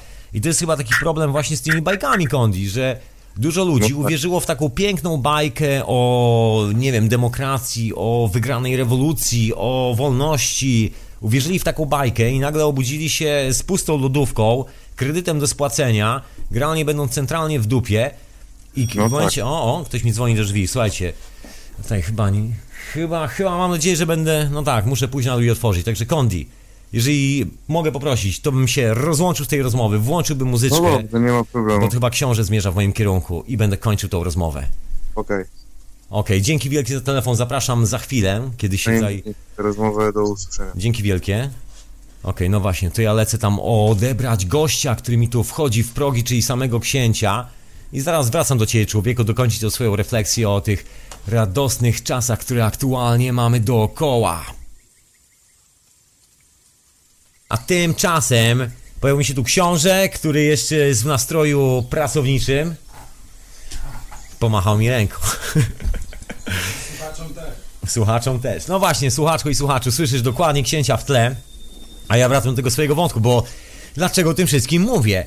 No to jest taka prosta historia związana z tym, że właściwie ja mam takie wrażenie, że coraz częściej w dzisiejszych czasach od razu widać, kto tak naprawdę chyba zwariował troszkę, albo kto, kto jest, nie wiem, na granicy szaleństwa. I mi się wydaje, i to jest moja taka mocna teza, którą chcę w tej drugiej części hi hiperprzestrzeni wrzucić, że Szaleńcy charakteryzują się tym, że wierzą w to, że wszystko aktualnie jest doskonale i że jest to najlepsza metoda, nie wiem, na inwestowanie w przyszłość, na inwestowanie w swoje własne życie, na inwestowanie w cokolwiek, że to jest właśnie to, że wszystko jest absolutnie okej. Że trzeba być naprawdę mocnym świrem, żeby wierzyć w to, że kontynuowanie tej zabawy, tego cyrku, cokolwiek przyniesie. Wszyscy wiedzą, że to przynosi zgliszcza i zniszczenie. Ja miałem ostatnio taką bardzo ciekawą historię związaną z e, pewną wizją na temat, jak wygląda cywilizacja. Może nie będę jej dzisiaj opowiadał, zostawię może na jakiś inny, inny odcinek, no, ale generalnie chodziło o zgliszcza w tle zostawiane tylko po to, żeby, żeby fajnie wyglądać, żeby być jak te myszki, które sobie, że tak powiem, pogłaszczą po futerku, zrobią z sobą, że tak powiem, taki good look, przyjrzą się w lusterku i stwierdzą, ale świetnie teraz wyglądam. Jeżeli jutro będę wyglądał tak samo świetnie, to w ogóle wszystko jest świetnie. I naprawdę trzeba być niezłym szaleńcem, niezłym świrem swoją drogą, żeby wierzyć w to, że żyjemy w czasach dobrobytu, w czasach cudowności i że to w ogóle ma jakąkolwiek przyszłość. Trzeba być naprawdę niezłym świrem i to mocnym. Bo wszystko wskazuje na to, że zupełnie odwrotnie, tylko że nie każdemu chce oczywiście się w to uwierzyć, no bo wiara w to, bo tu nie mówię po to, żeby oczywiście wszystkich przestraszyć, że, że jest katastrofa i wszyscy wyskakujemy przez okna w tym momencie, tylko są rozwiązania. Ta konsekwencja, jakby zrozumienia tego, w którym miejscu stoimy, automatycznie zbliża nas do tego, żeby podrapać się trochę po głowie, przynajmniej mam nadzieję, człowieku, że ciebie też zbliża, mnie też, podrapać się po tej głowie i zastanowić, jakie jest rozwiązanie z tej matni. Gdzie jest to właściwe rozwiązanie? Którędy do wyjścia? No właśnie, tu się okazuje, że wielu ludzi po drodze, szczególnie jeżeli chodzi o tak zwane rozkminki medialne, zależne, niezależne, wszystko, kiedy nagle pojawia się naprawdę mocny syf dookoła, a nie wiem, ja czasami mam takie wrażenie, może troszkę przesadne, może za dużo teorii spiskowych w głowie, a mam takie wrażenie, że to są mocne ustawki. I to takie mocne ustawki, bo kiedy dzieje się coś ważnego dookoła naszej naszej przestrzeni, takiej y, konkretnej przestrzeni, która jest odpowiedzialna za to, że mamy coś w lodówce, mamy gdzie mieszkać, czujemy się wolnymi ludźmi przede wszystkim mamy czas na życie i realizowanie swojego własnego życia. Nagle w tym momencie zamiast rozwiązań podaje nam się jeszcze więcej dramatów, podaje nam się jeszcze więcej katastrof i zaczyna nas się jeszcze bardziej straszyć, i w ramach rozwiązania proponuje się na przykład wybory, albo proponuje się zbudowanie partii politycznej, albo proponuje się w ogóle jakąkolwiek formę, taką formalną, oficjalną, żebyśmy w tym momencie zostawili nasze człowieczeństwo i dołączyli do jakiegoś ruchu, epickiego ruchu, który zmieni świat na lepsze i że mamy się słuchać prawa, że prawo jest coś warte, że zapis na papierze jest ważniejszy od człowieka. No wszystkie te historie, które które opowiadają nam, że hej człowieku, no może nie jest najlepiej, ale wiesz, jak się zorganizujemy, zbierzemy, zrobimy zebranie z politykiem, konferencję prasową zrobimy, to wtedy świat się zmieni na lepsze. No ja mam takie podejście, że jest zupełnie odwrotnie, że wszystkie te historie służą tylko po to, żeby roztrzaskiwać naszą energię w drobny mak. Bo kiedy mamy odrobinę energii i wykonalibyśmy jakiś konkretny ruch, który zmieniłby oblicze świata, to wielu nas w tym momencie jest troszkę sparaliżowanych. Czasami jeszcze ten taki głos z tyłu, że Mamy takich ludzi, którzy udają, że niby są tacy bardzo niezależni, tacy bardzo, bardzo oni by wolności chcieli w życiu i dla każdego wolności chcieliby w życiu. No ale zaraz jak tylko się pojawiają jakieś takie akcje, to nagle zaczynają nas straszyć i nagle proponują nam przystąpienie do tej gry i zabawy w brakujące krzesło. Że nie, nie, nie, człowieku, nie rób tego sam, nawet niech cię, że tak powiem, los broni od tego, żebyś źle o tym systemie pomyślał. System może jest zły, może nie jest doskonały, ale wiesz, zrobimy nowy system, wprowadzimy nowy przepis, naprawimy go, wykonamy jakiś manewr, który wiesz, dalej będzie tak samo, nie musisz się bać, dostajesz swoją emeryturę i jutro też ją dostaniesz, my ci zagwarantujemy, ale już będzie większa. My stworzymy lepszy system, policjant będzie się do ciebie uśmiechał i będzie miły. No ale prawda jest taka, że jest to bullshit, bo żaden policjant przecież nie będzie się do ciebie uśmiechał, bo to będzie ten sam policjant, który ma dokładnie te same historie związane z tym, że jest policjantem, które miał wcześniej. Przecież dlatego jest policjant, żeby cię przestraszyć, a nie po to, żeby pilnować porządku. Policja to jest w ogóle taki nowy wynalazek, właściwie wynalazek ostatniego stulecia i w ogóle ja sobie myślę, że to ostatnie stulecie było takim eksperymentem socjologicznym i to na taką potężną skalę. Kilku ludzi zwariowało i okazało się, że da się niektórych z nas podpuścić na to, żebyśmy dołączyli do tego eksperymentu socjotechnicznego. No, ze smutkiem muszę przyznać, że wiele krajów jest zainfekowanych tymi eksperymentami socjotechnicznymi, socjotechnikami, propagandą. Sam mieszkam w takim kraju, który jest ekstremalnie policyjny. Się śmialiśmy wczoraj, bo tu na mojej dzielnicy jest taki najważniejszy news w gazecie, który brzmi tak, że jest morderca kota i wszystkie lokalne gazety szukają od paru miesięcy kogoś, kto w skrytości morduje koty gdzieś tutaj, łapie koty, morduje i, i, i kot jest martwy. Kotek jest martwy. A wszystko dzieje się w Londynie, w mieście, w którym walono chyba 11 milionów funtów w ciągu ostatniego roku na pilnowanie Juliana Assange, którego jedynym przestępstwem jest to, że opublikował dokumenty, które pokazują, że armia brytyjska, amerykańska, do spółki razem z kolesiami z Polski, którzy produkują te bomby klasterowe, odpowiada za ludobójstwo w Iraku i Afganistanie. I to tak konkretnie ludobójstwo, że tam kolesie po prostu strzelają do ludzi jak do kaczek i na tym polega ich praca, że to jest taka trzecia rzesza, że wyhodowaliśmy takich nazistów. Dawniej było SS, a teraz mamy polską armię, amerykańską armię, zamiast SS mamy brytyjską armię, zamiast Obersturmfalfire Kommando mamy oddziały specjalne, które jadą na specjalne misje pokojowe Ich Heil i do góry, prawda? I walczymy o demokrację. Ja się zastanawiam, dlaczego polskie wojsko jeszcze nie zaczęło mówić w języku niemieckim. Może polska armia też powinna i polscy generałowie się pozdrawiać okrzykiem, staropolskim okrzykiem Sieg Heil. I ten staropolski okrzyk Sieg Heil by doskonale pasował. W Brytanii też ten okrzyk Sieg Heil doskonale pasuje. To nawet rodzina królewska na imprezie parę lat temu poprzebierała się za nazistów, bo no inna sprawa, że nie mieli w rodzinie nazistów, inna sprawa, że rodzina królewska brytyjska zapłaciła gigantyczną fortunę, że tak powiem, e, żeby zainwestować w ten biznes i była współinwestorem, że tak powiem, trzeciej Rzeszy, to za te pieniądze zbudowano że tak powiem, część obozów koncentracyjnych, no bo przecież nie za darmo, nie za darmo zbudowano te wszystkie rzeczy. Inna sprawa, że Brytyjczycy wymyślili obozy koncentracyjne w Afryce i właśnie brytyjscy oficerowie uczyli niemieckich oficerów, jak organizować takie miejsca. No a teraz, teraz żyjemy w takim świecie, który wygląda jak wygląda, wszyscy doskonale wiemy. No i właśnie na mojej dzielnicy największym problemem jest koleś, który morduje kotki. Nie ma problemu z Julianem Assange, nie ma problemu z ludźmi, których nie stać na to, żeby tu mieszkać. Nie ma problemu z niczym, nie ma problemu z nędzą, nie ma problemu z chorymi ludźmi, nie ma problemu absolutnie z niczym. Świat jest doskonały, sky is the limit, jak mówi pewne powiedzonko, czyli limitem jest tylko niebo, człowieku. Jeżeli tylko chcesz zarobić miliony, you can do it. Bądź szczęśliwy, po prostu biegnij po to, mamy tu dla ciebie wszystko, musisz tylko dołączyć do systemu. No właśnie, tylko pytanie, właśnie do jakiego systemu dołączyć? Co to w ogóle jest za system? No ten system polega na tym, że za każdą tą armią pozostaje spalona ziemia. I problem polega na tym, że właściwie ta ziemia to jest ta ziemia, na której my mieszkamy, tacy normalni ludzie. I też ten problem polega na tym, że na tej ziemi mieszka też ta armia, bo ta armia to też dziś mieszka. Jest taki klasyczny przykład z Brazylii, o którym niewielu ludzi wie. Brazylia pewnego czasu, dawno, dawno temu, ja sobie nawet wezmę, łączę mapę, były to lata 50. w Brazylii, czy 40 jakoś tak. Tu trwała druga wojna światowa w Europie, tam były inne że tak powiem, zamieszania. No i Brazylia była kompletnie kontrolowana przez Stany Zjednoczone, dlatego w Brazylii nie ma za bardzo linii kolejowych. Jeżeli sobie spojrzysz na mapę, albo na przykład pojedziesz do Brazylii, polecisz do Brazylii, albo przypłyniesz wpław przez Atlantyk, to odkryjesz, że w tym kraju nie ma kolei. Znaczy jest kolej, ale to właściwie jest kolej tylko do przewożenia towarów w kontenerowcach i to bardzo ograniczona do kilku miejsc, ponieważ duże koncerny amerykańskie, które były właścicielami tego kraju, właściwie dalej są, zadbały o to, a szczególnie Standard Oil, czyli firma produkująca ropę naftową, Rockefeller Foundation, chyba już wiesz o co mi chodzi. Nie, nie, to nie jest spisek.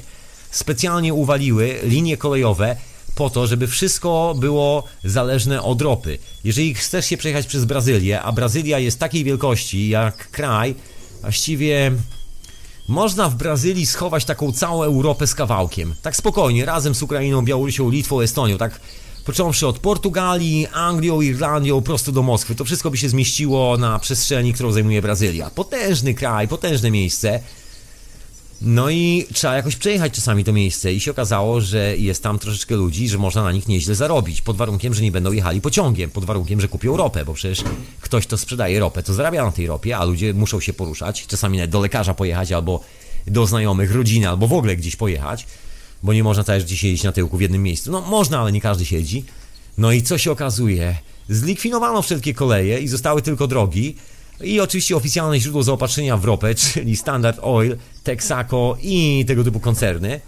No i teraz yy, co się stało? Co się stało? No i to nie wystarczyło, żeby, że tak powiem, spacyfikować kraj. Okazało się, że trzeba dokonać jeszcze ekspansji na poboczne kraje, w których się za dobrze wiodło i była taka obawa, że będzie tak jak kiedyś w Ameryce, gdzie przywieziono tych osadników z Europy, którzy mieli budować ponownie białą cywilizację, modlić się do obrazu z królową, chodzić do lokalnego kościoła, ale wszyscy ci, którzy przyjechali z Europy, uciekali do Indian i nie było sposobu, żeby ich zatrzymać, bo nikt nie chciał żyć z psychopatami w jednym miejscu, tylko każdy chciał żyć w normalny sposób. No więc stwierdzono, że wytłukło wszystkich Indian i wybito tam jakieś 30 chyba milionów Indian taki ekstremalny eksodus. To tak, takie masowe obozy koncentracyjne. No to można porównać dosłownie do II wojny światowej. Tak właśnie, Amerykanie wybili około 30 milionów ludzi, którzy tam mieszkali wcześniej, czy jakoś tak, nawet więcej. Ponoć ciężko nawet oszacować w liczbach, bo specjalnie robiono to tak, żeby nikt się nigdy tego nie doliczył, żeby nie było wiadomo ile ludzi zginęło. Po prostu zniknęli, wyparowali, nie pozostało po nich nic, na tym miejscu wbudowano kościół, a do kościoła w niedzielę wszyscy poszli się pomodlić za duszę bliźniego, oczywiście pod znakiem krzyża.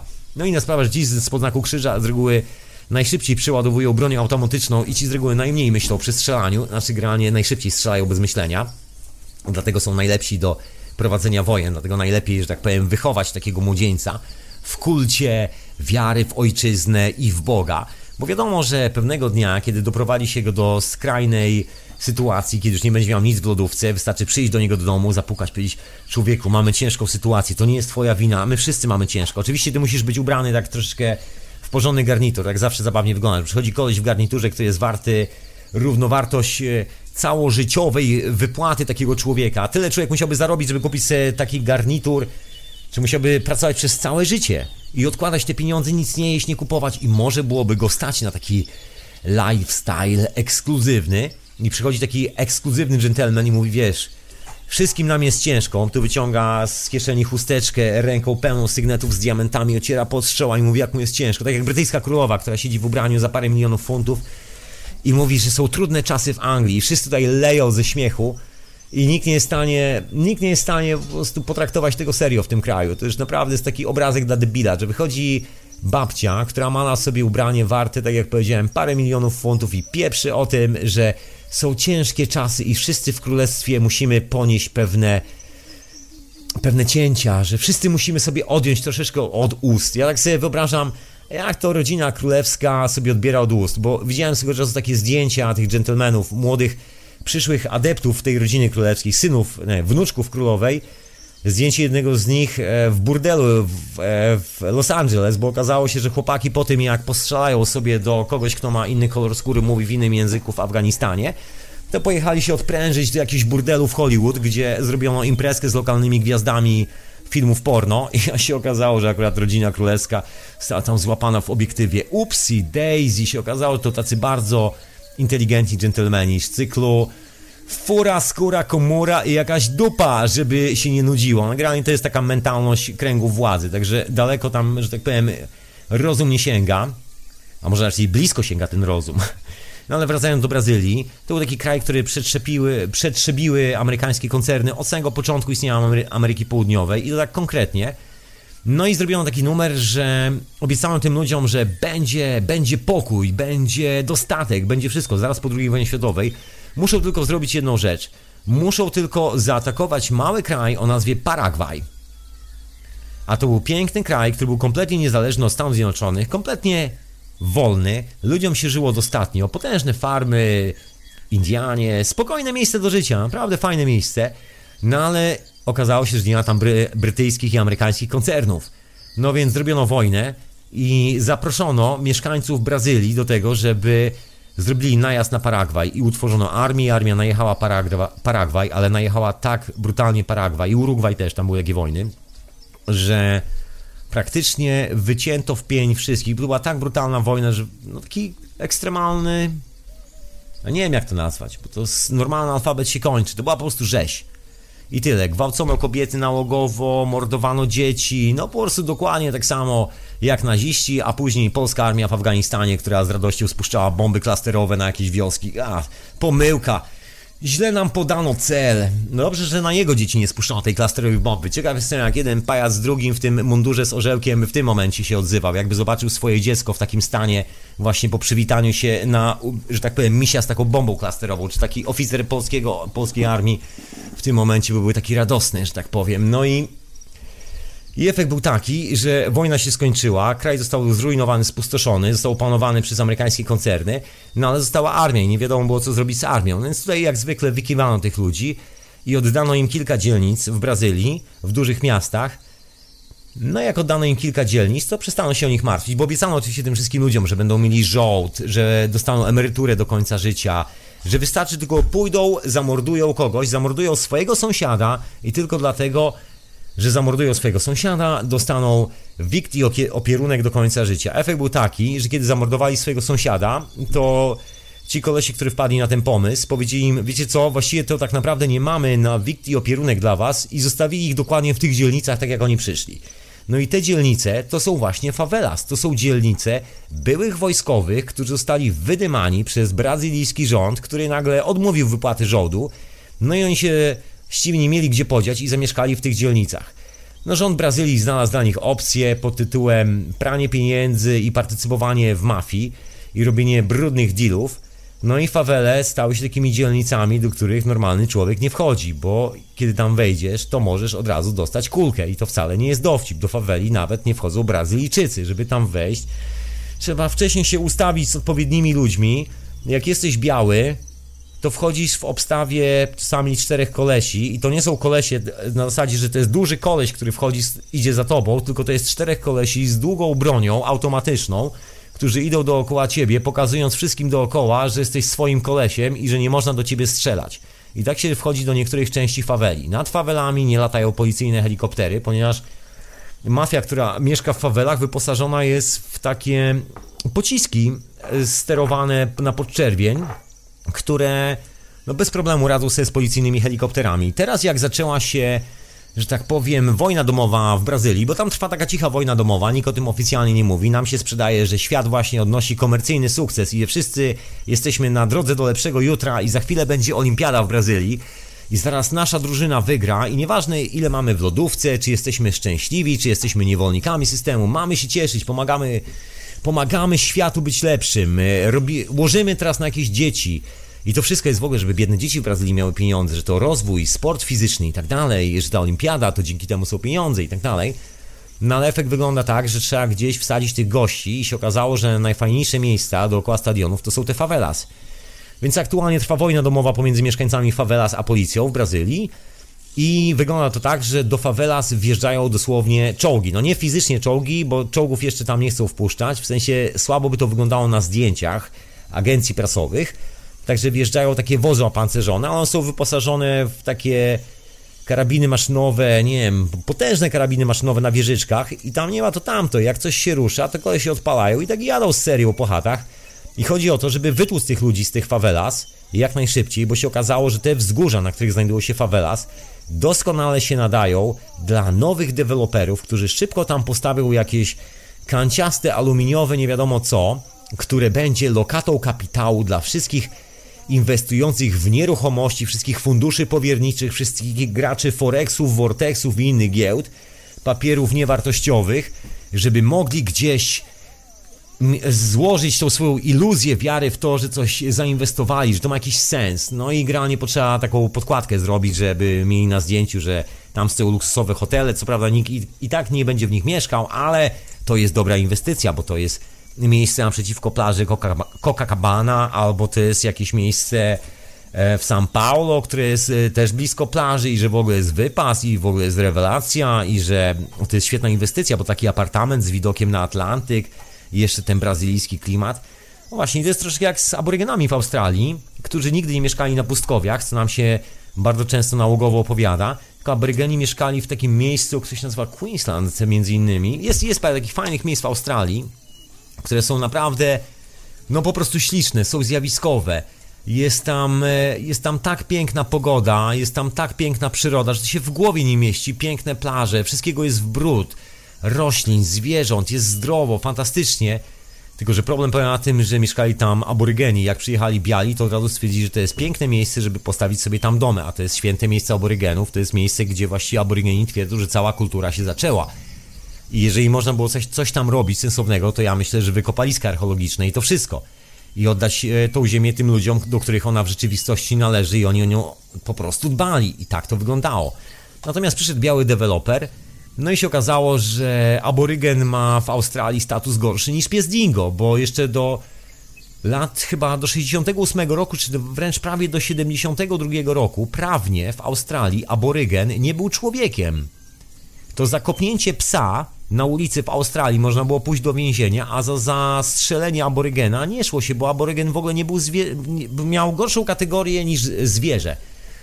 Tak wobec prawa. No i to jest ten piękny świat, w którym nas wychowano. Oczywiście niby czasy się zmieniły, bo są prawa człowieka i teraz aborygen jest człowiekiem, ale jak pojedziesz do Australii albo się przyjrzysz tematowi, to zobaczysz, czy aborygeni dalej są traktowani jako właściciele tej ziemi, czy też są traktowani jako, no właśnie, jako nie wiadomo co, istoty chyba podludzie, czy coś w tym stylu. No i to jest ta nasza cudowna cywilizacja.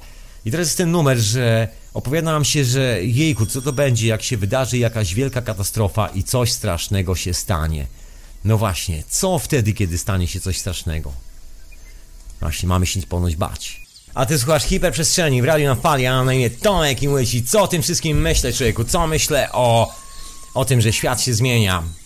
Bo żyjemy w czasach, w których powoli wszystkie sprawy się wywracają i coraz częściej widzimy, że no właśnie, dostajemy taką nieustanną propozycję pod tytułem, że musimy zabić własnego brata, zamordować go w najbardziej brutalny sposób, jaki jest tylko możliwy, tylko po to, żeby zadowolić kogoś, no właśnie kogo? Kto tu jest zadowolony? Bo przecież ani ty, ani ja nie jesteśmy właścicielami swojego życia, znaczy w wymiarze takim materialnym, przecież gdziekolwiek chcesz przejechać przez granicę, człowieku, to co, to jak ty to zrobisz? Przecież nie zrobisz tego normalnie, tylko musisz wyciągnąć paszport z kieszeni, to gdzie tu jest wolność? Jaka to jest wolność, skoro jesteś traktowany na przejściu granicznym gorzej niż człowiek przyjmowany, w cudzysłowie, przyjmowany do obozu koncentracyjnego, to tam nie przeszukiwali czeka w ten sposób, jak się przeszukuje dzisiaj na wszystkich lotniskach świata, już na tych międzynarodowych to już jest hu, hu, jazda na maksa. Miałem taką historię pewnego razu, chyba nawet wracając od księcia. Tak, wra... nie, to leciałem do, do księcia, leciałem do księcia, do Irlandii i pani mnie trzepała, miałem przy sobie kilka rzeczy, jak zwykle okazało się, że lot jest tuż za chwilę, kolejka do tak zwanej security, czyli do odprawy jest potężna, nie wiadomo po prostu ile to będzie trwało, bo muszę sprawdzić każdego. I takie już ostatnie minuty tam podbiegam, laska mi ładuje to wszystko, ja ładuję, ja na taśmę wrzucam laptopa, coś takiego, bo oczywiście muszę wyjąć, bo mam bombę. Przecież mają sprzęt do prześwietlania. Każdy idiota widzi na tym sprzęcie do prześwietlania, że tam nie ma żadnej bomby, że to jest tylko taki czynnik psychologiczny. Specjalnie się to robi. To nie chodzi o to, że to jest niebezpieczne albo coś tam, tylko to jest taki numer, żeby cię stresować, żebyś musiał ulec władzy, że ty musisz się rozebrać, po to musisz się obnażyć. To jest czynnik psychologiczny i to nie jest zaprojektowane po to, żeby łapać terrorystów, tylko po to, żeby cię zgnoić na lotnisku, żebyś czuł się małym gównem, które jest gówno warte w tym całym biznesie. Tylko o to w tym wszystkim chodzi, żebyś ze strachu zapieprzał jak pajac do tego sklepiku z pamiątkami i szybciutko kupił sobie flagę narodową kraju, z którego wyjeżdżasz. Otóż to, nic więcej, nic więcej. Jeżeli się łudzisz, że to jest dla twojego bezpieczeństwa, cóż, mam nadzieję, że w tym momencie się nie rozpakałeś człowieku i nie wyskoczyłeś przez okno, bo Wszystkie te gadki na temat twojego bezpieczeństwa jest to gówno prawda, jest to taki bullshit, że się w głowie nie mieści, bo na tych skanerach widać dosłownie wszystko, co przejeżdża w walizkach. I laska mi mówi, że a ja jestem takim troszkę hardym kolesiem i nie lubię ściągać butów na lotniskach, nie stoję w kolejce trzymając buty w ręku. Pan w mundurze musi, mi, musi mnie poprosić o to, żebym zdjął buty. Ja nie ściągam butów na lotnisku i nie robię pewnych rzeczy, ponieważ jestem istotą ludzką, jestem dumnym człowiekiem. Tak już mam. I pani mówi, że muszę wyciągnąć laptopa i że zrobić coś tam, bo coś tam. Jak się patrzę mówię, why? Ona mówi, bo takie są przepisy. A ja zadałem jej pytanie, a gdyby były takie przepisy, żebyś, że masz mnie zastrzelić, to byś mnie zastrzeliła? Ona się patrzy na mnie i mówi, a, i tak, tak nie wie co powiedzieć, taka po prostu nabrała wody w ustach, a ja tak się patrzę na nią i mówię po angielsku oczywiście cała rozmowa, mówię, to taka trzecia Rzesza, to takie nazi, to ja jestem terrorystą, wszyscy tutaj jesteśmy pieprzonymi terrorystami, tak dosłownie powiedziałem, we are all fucking terrorists here. Ona się na mnie patrzy i po prostu nie mów tak do mnie, nie mów tak do mnie. A on wie, a jak mam do ciebie mówić? A jak mnie traktujesz? A kim ja jestem? I ona tak po prostu nagle się zagotowała sama w sobie, i specjalnie laska chciała mi przytrzymać bagaż, ale widziałem, że za mną stoi około 400 ludzi w kolejce, także widziałem, że szef ją wypieprzy z roboty, jak będzie robiła jakieś krzywe numery i będzie próbowała cokolwiek robić, bo tam jest 400 ludzi za mną w tej jednej kolejce, którzy się śpieszą na x samolotów, także laskę zaraz chyba wszyscy zjedzą. I ona już dzisiaj, wszyscy, od rana nie jesteś pierwszą osobą, którą mi to powiedziała, ja do niej powiedziałem, to zmień pracę. I zrobiło się bardzo ciężko, bo widziałem, że pana już za chwilę chyba zacznie wołać po policję, żeby zrobili mi przeszukanie i tak dalej, tak, jakoś tak. I zaczęła coś tam do mnie krzyczeć, że jak ja się odzywam, że jestem bezczelny, a ja po prostu weszłem jej w zdanie i nawet nie dając jej żadnej szansy, jestem wyszczekanym gówniarzem. Mówię, jak ty mnie traktujesz? Kim ja dla ciebie jestem? Jestem człowiekiem, tak samo jak ty. Masz, masz rodzinę, masz brata, widziałaś kiedyś ludzi. Kim ty jesteś? Jesteś nazistą? Kim? Dosłownie tak pojechałem, ale pojechałem konkretnie. Laska się zagotowała wręcz do po prostu jak czajnik i to tak konkretnie się zagotowała specjalnie przytrzymała mi torbę, o mało się nie spóźniłem na samolot i tak dalej, i tak dalej. Ale po prostu sytuacja była taka, że no... Nie wiem, co powiedzieć w tym momencie. Zrobiło się niebezpiecznie, znaczy dla mojego lotu oczywiście. Szczęśliwie doleciałem do księcia Edwarda, także nie było problemu. Zdążyłem na ten samolot. Ale dokładnie taka sytuacja. Ta laska to była jakaś gówniara, która miała, nie wiem, może 21 lat. I ta gówniara po prostu nie miała ani grama refleksji, że nie różni się niczym od obsługi obozu koncentracyjnego. Tylko, że nie strzela do ludzi, tylko tyle. To jest taki łagodny obóz koncentracyjny, że po prostu jest rozbite troszeczkę na rolę, że ona tylko tutaj sprawdza, inni z kolei pobierają od, ode mnie pieniądze, inni z kolei wymyślają prawo, według którego mam się zachować na lotnisku. To jest tak rozłożone, ona nie bierze na siebie odpowiedzialności. I ona tak krzyknęła do mnie, tak nie patrząc mi się w oczy, tak udając, że ucieka, że to nie jest jej wina, że takie są przepisy.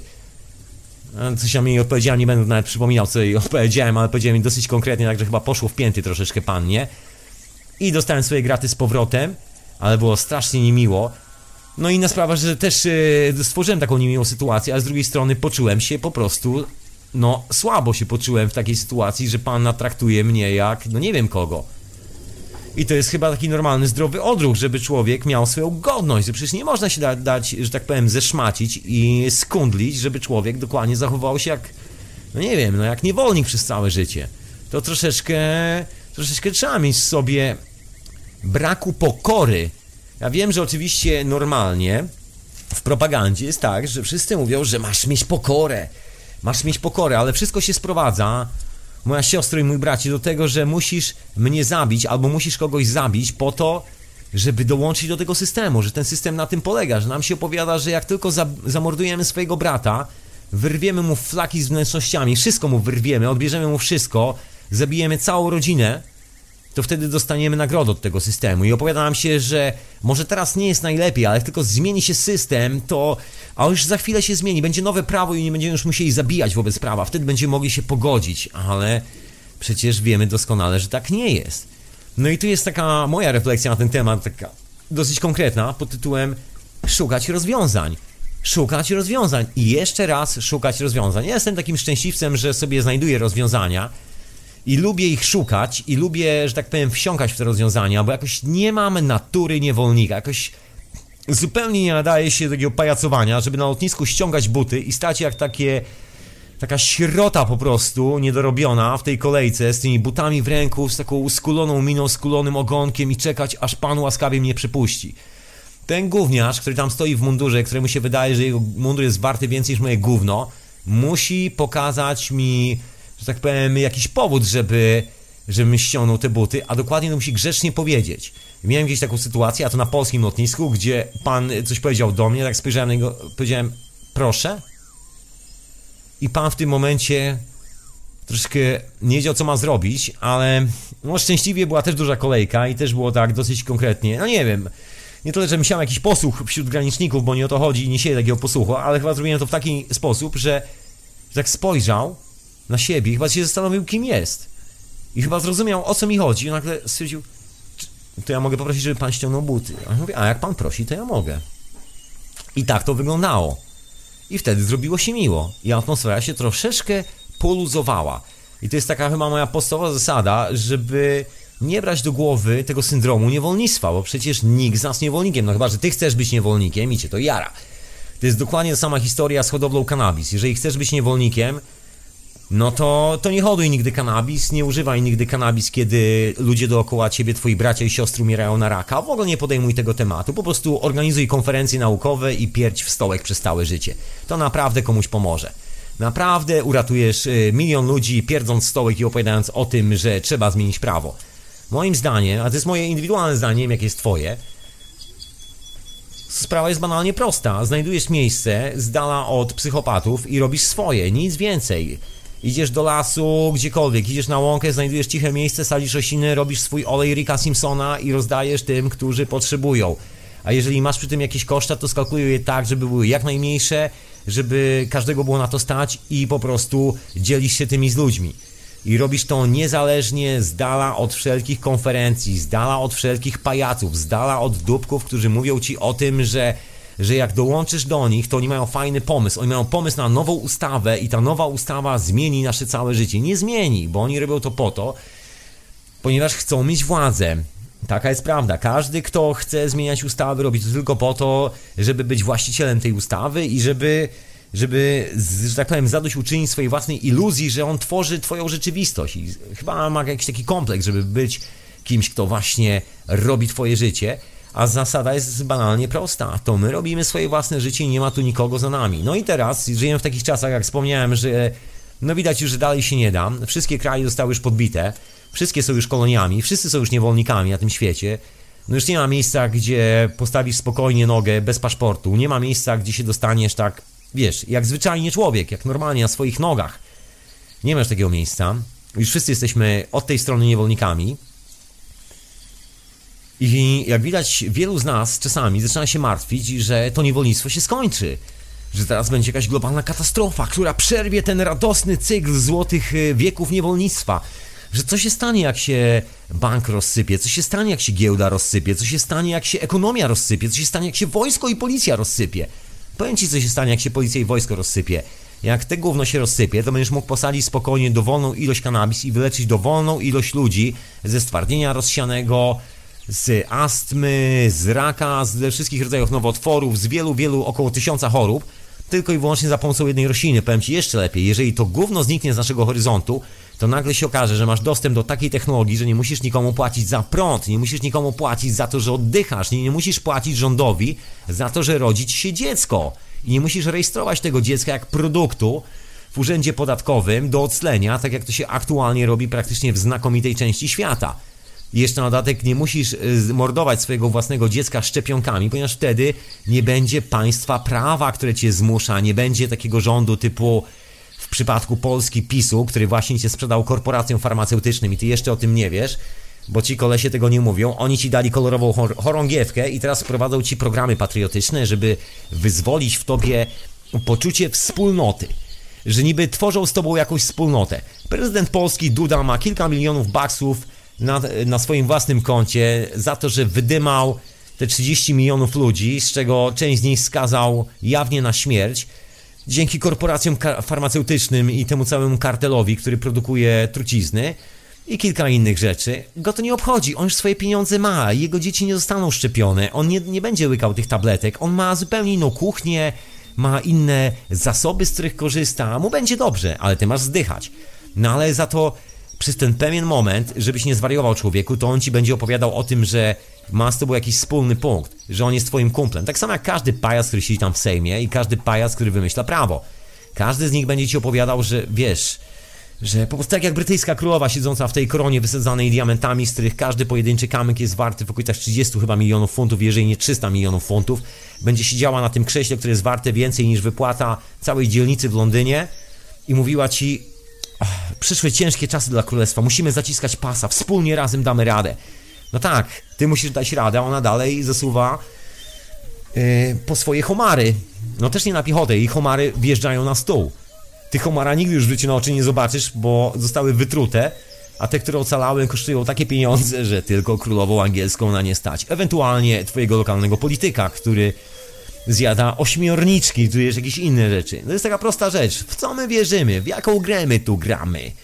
No i to jest takie, myślę, zasadnicze pytanie, które warto sobie zadawać, chociażby po to, żeby zrozumieć, że są alternatywy i albo chcemy dalej być niewolnikami tego obozu koncentracyjnego, przymusowej pracy, albo wybieramy alternatywę i przestajemy być niewolnikami u siebie w głowie, niewolnikami na tworzenie tego systemu, niewolnikami na naprawianie czegoś, co nie nadaje się absolutnie do naprawy to w ogóle nie jest kwestią nawet dyskusji.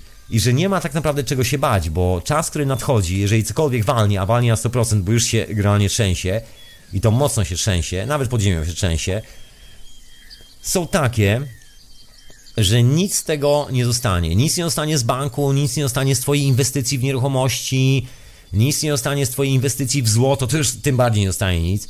Także nie ma sensu inwestować. I cała ta zabawa polegająca na tym, że nie inwestujemy swojego życia w naszych braci i siostry, tylko inwestujemy w przedmioty, właśnie dobiegła do końca. Ale dalej jest taka grupa ludzi, która próbuje nas namówić do wspólnej zabawy, że nasi bracia i so siostry nie są ważni. W ogóle to nie są ludzie, to są jakieś, to jest jakieś gówno, to jest pod ludzie. Weź pistolet i rozpieprz im głowę. Zapłacimy ci za to dużo pieniędzy. Spuścij mu bombę klasterową na głowę. Podpiszesz z nami kontrakt. Zrobisz świetne oprogramowanie do bomb klasterowych, zrobisz ładunki do bomb klasterowych. Dzięki temu będziesz miał spokojne życie, wyślesz dzieci do dobrej szkoły Ale nie przejmuj się ty, o, o, o tych ludzi, którzy tam umierają od bomb klasterowych. Oni są nieważni. I to jest dokładnie taka zabawa, którą nam się nieustannie proponuje. Ja sobie cały czas tutaj śledzę, co się dzieje w strefie gazy, bo to jest taki papierek lakmusowy, jak to towarzystwo, które ponoć strasznie dostało po dupie od Hitlera, ponoć tak się wycierpili w obozach koncentracyjnych, nagle stworzyli swój własny obóz koncentracyjny. I to ludziom, którzy są kompletnie, no właśnie, nawet jeszcze gorzej, bo tam stworzyli tak permanentny obóz koncentracyjny i wykorzystując wszelkie możliwe techniki do pacyfikowania ludności cywilnej, też takie komercyjne. I to jeszcze zaangażowane w taki sposób, że, że właściwie jest tego potężny biznes na świecie, bo przecież te ziemie, które dawniej należały do ludzi, którzy właściwie mieszkają w Palestynie od tysięcy lat, zostały przyjęte przez duże amerykańskie korporacje, które oczywiście mają osobne filie w Izraelu i teraz tam się produkuje produkty przeznaczone na masowy rynek. Gwiazdy hollywoodzkich film, filmów wychodzą czasami w reklamach i mówią, że piękna, doskonała woda do picia, woda gazowana i woda jest produkowana oczywiście w okolicy strefie gazy, w miejscu, gdzie obok rozstrzelano parę tysięcy ludzi tylko po to, żeby postawić tam fabrykę. I oczywiście znakomita część na świecie ludzi, szczęśliwie ta ilość e, drastycznie maleje, łapie za tą butelkę i ma wrażenie, że uczestniczy w luksusowym życiu, że na te parę sekund staje się tą hollywoodzką gwiazdą, popijając tą mmm, doskonałą wodę mineralną, która czyni ich życie lepszymi. Jeszcze się pogłaszczą po futerku. Stworzą sobie taki dodatkowy biznes, który nazwał, nie wiem, zyskiwanie świadomości. Zauważyłeś jedną rzecz, że ludzie, którzy mówią o świadomości globalnej, o wiesz, e, pokojowym nastawieniu, o tych wszystkich cudownych rzeczach, cudownościach, ci ludzie zawsze, kiedy cokolwiek się dzieje, kiedy nagle musisz skonfrontować się z systemem i no mieć stanowczą jakby taką, takie stanowcze zachowanie, no bo albo system cię zje, albo z niego wyskoczysz, to wszyscy ci ludzie w tym momencie dopingują cię zawsze do jednego, żebyś szedł na kompromis z systemem. Oni zawsze mają dla ciebie jedną opcję. Iść na kompromis. To tylko kompromisy działają. To nie, nic nie jest czarno-białe, życie jest szare, wszystko jest szare. Idźmy na kompromis, bo nie da się wszystkiego zmienić, to nie jest możliwe. To, tego się nie da, to musimy powolutku, wiesz, e, co to za, e, to wiesz, to się nie da inaczej. I opowiadają ci taką wersję dziwną historii, która nagle cię pacyfikuje, schodzisz w dół. Zaproszą cię na odczyty, zaproszą cię na prelekcje, zaproszą cię na warsztaty, ale żaden z nich ani słowem się nie zająknie, że gówno, którego się dokłada, jest dokładnie tym samym gównem, które morduje ludzi na świecie. I to jest ciekawa historia. To jest ciekawa historia, także człowieku, ja sobie myślę, że ta rewolucja, która właśnie jest w drodze, która właśnie akurat trwa i to trwa potężna rewolucja technologiczna nie tylko, zaora tym wszystkim, już mocno tym wszystkim ora i to jest taki ostatni moment, na który próbuje się nas naciągnąć, żebyśmy uwierzyli w te chorągiewki, żebyśmy uwierzyli w to, że zrobimy coś pięknego i dostaniemy order od prezydenta i jeszcze musimy komuś wejść w dupę, to jeszcze napiszemy książkę, która się dobrze sprzeda, zrobimy warsztaty, na których ludziom opowiemy, że że po prostu wystarczy jak odkryją samego siebie, odkryją swoją duchową istotę i świat od tego stanie się lepszy. Man, no jak hipokryta, który jest zakłamany od początku do końca, który sam finansuje ten system, który marzy o tym, żeby sobie kupić lepszą furę, skórę i komórę, może chcieć cokolwiek zmienić. Przecież wszyscy doskonale wiemy, że to jest tylko po to, żeby sobie utrwalić to poczucie tego cudownego komfortu, tą comfort zone, strefę komfortu, że nie robić nic, ale żeby wydawało nam się, że zapierdalamy za przeproszeniem, że zasuwamy w kierunku budowania pokoju światowego, tak? Że dzięki temu wszystko będzie lepsze, wszystko będzie cudowne, wszystko będzie doskonałe i że naprawdę nie musimy nic robić, bo są mądrzy ludzie, którzy zrobią za nas całe życie. Taki fenomen troszkę sytuacyjny. Więc naprawdę robi się z nas małe dzieci, nawet gorzej niż małe dzieci. Robi się z nas takich, no nie wiem, nie wiem jak to nawet nazwać, bo to ciężko znaleźć jakąś konkretną nazwę, bo to już kończy się człowieczeństwo, zaczyna się już traktowanie wszystkich jako nawet nie produktów, bo produkt się w dzisiejszych czasach często traktuje lepiej. Jeżeli pójdziesz do salonu samochodowego i przypadkowo oprzesz się gdzieś o jakiś drogi samochód, to podejdzie sprzedawca i delikatnym głosem powiedz, żebyś go nie porysował, ponieważ jest to produkt, który ma swoją cenę i wiesz, twoje życie jest mniej warte niż lakier na tym samochodzie. No i kilka innych rzeczy dookoła. Zresztą takie scenki na ulicy, jak ktoś komuś zajedzie drogę, nagle się okazuje, że mój lakier, moja fura i mój czas jest ważniejszy od życia drugiego człowieka. Muszę się śpieszyć, muszę dociskać na zakrętach, muszę przejeżdżać wtedy, kiedy ludzie chcą przejść ulicę, bo ja się śpieszę, bo ja muszę mieć, bo ja jestem wybrany.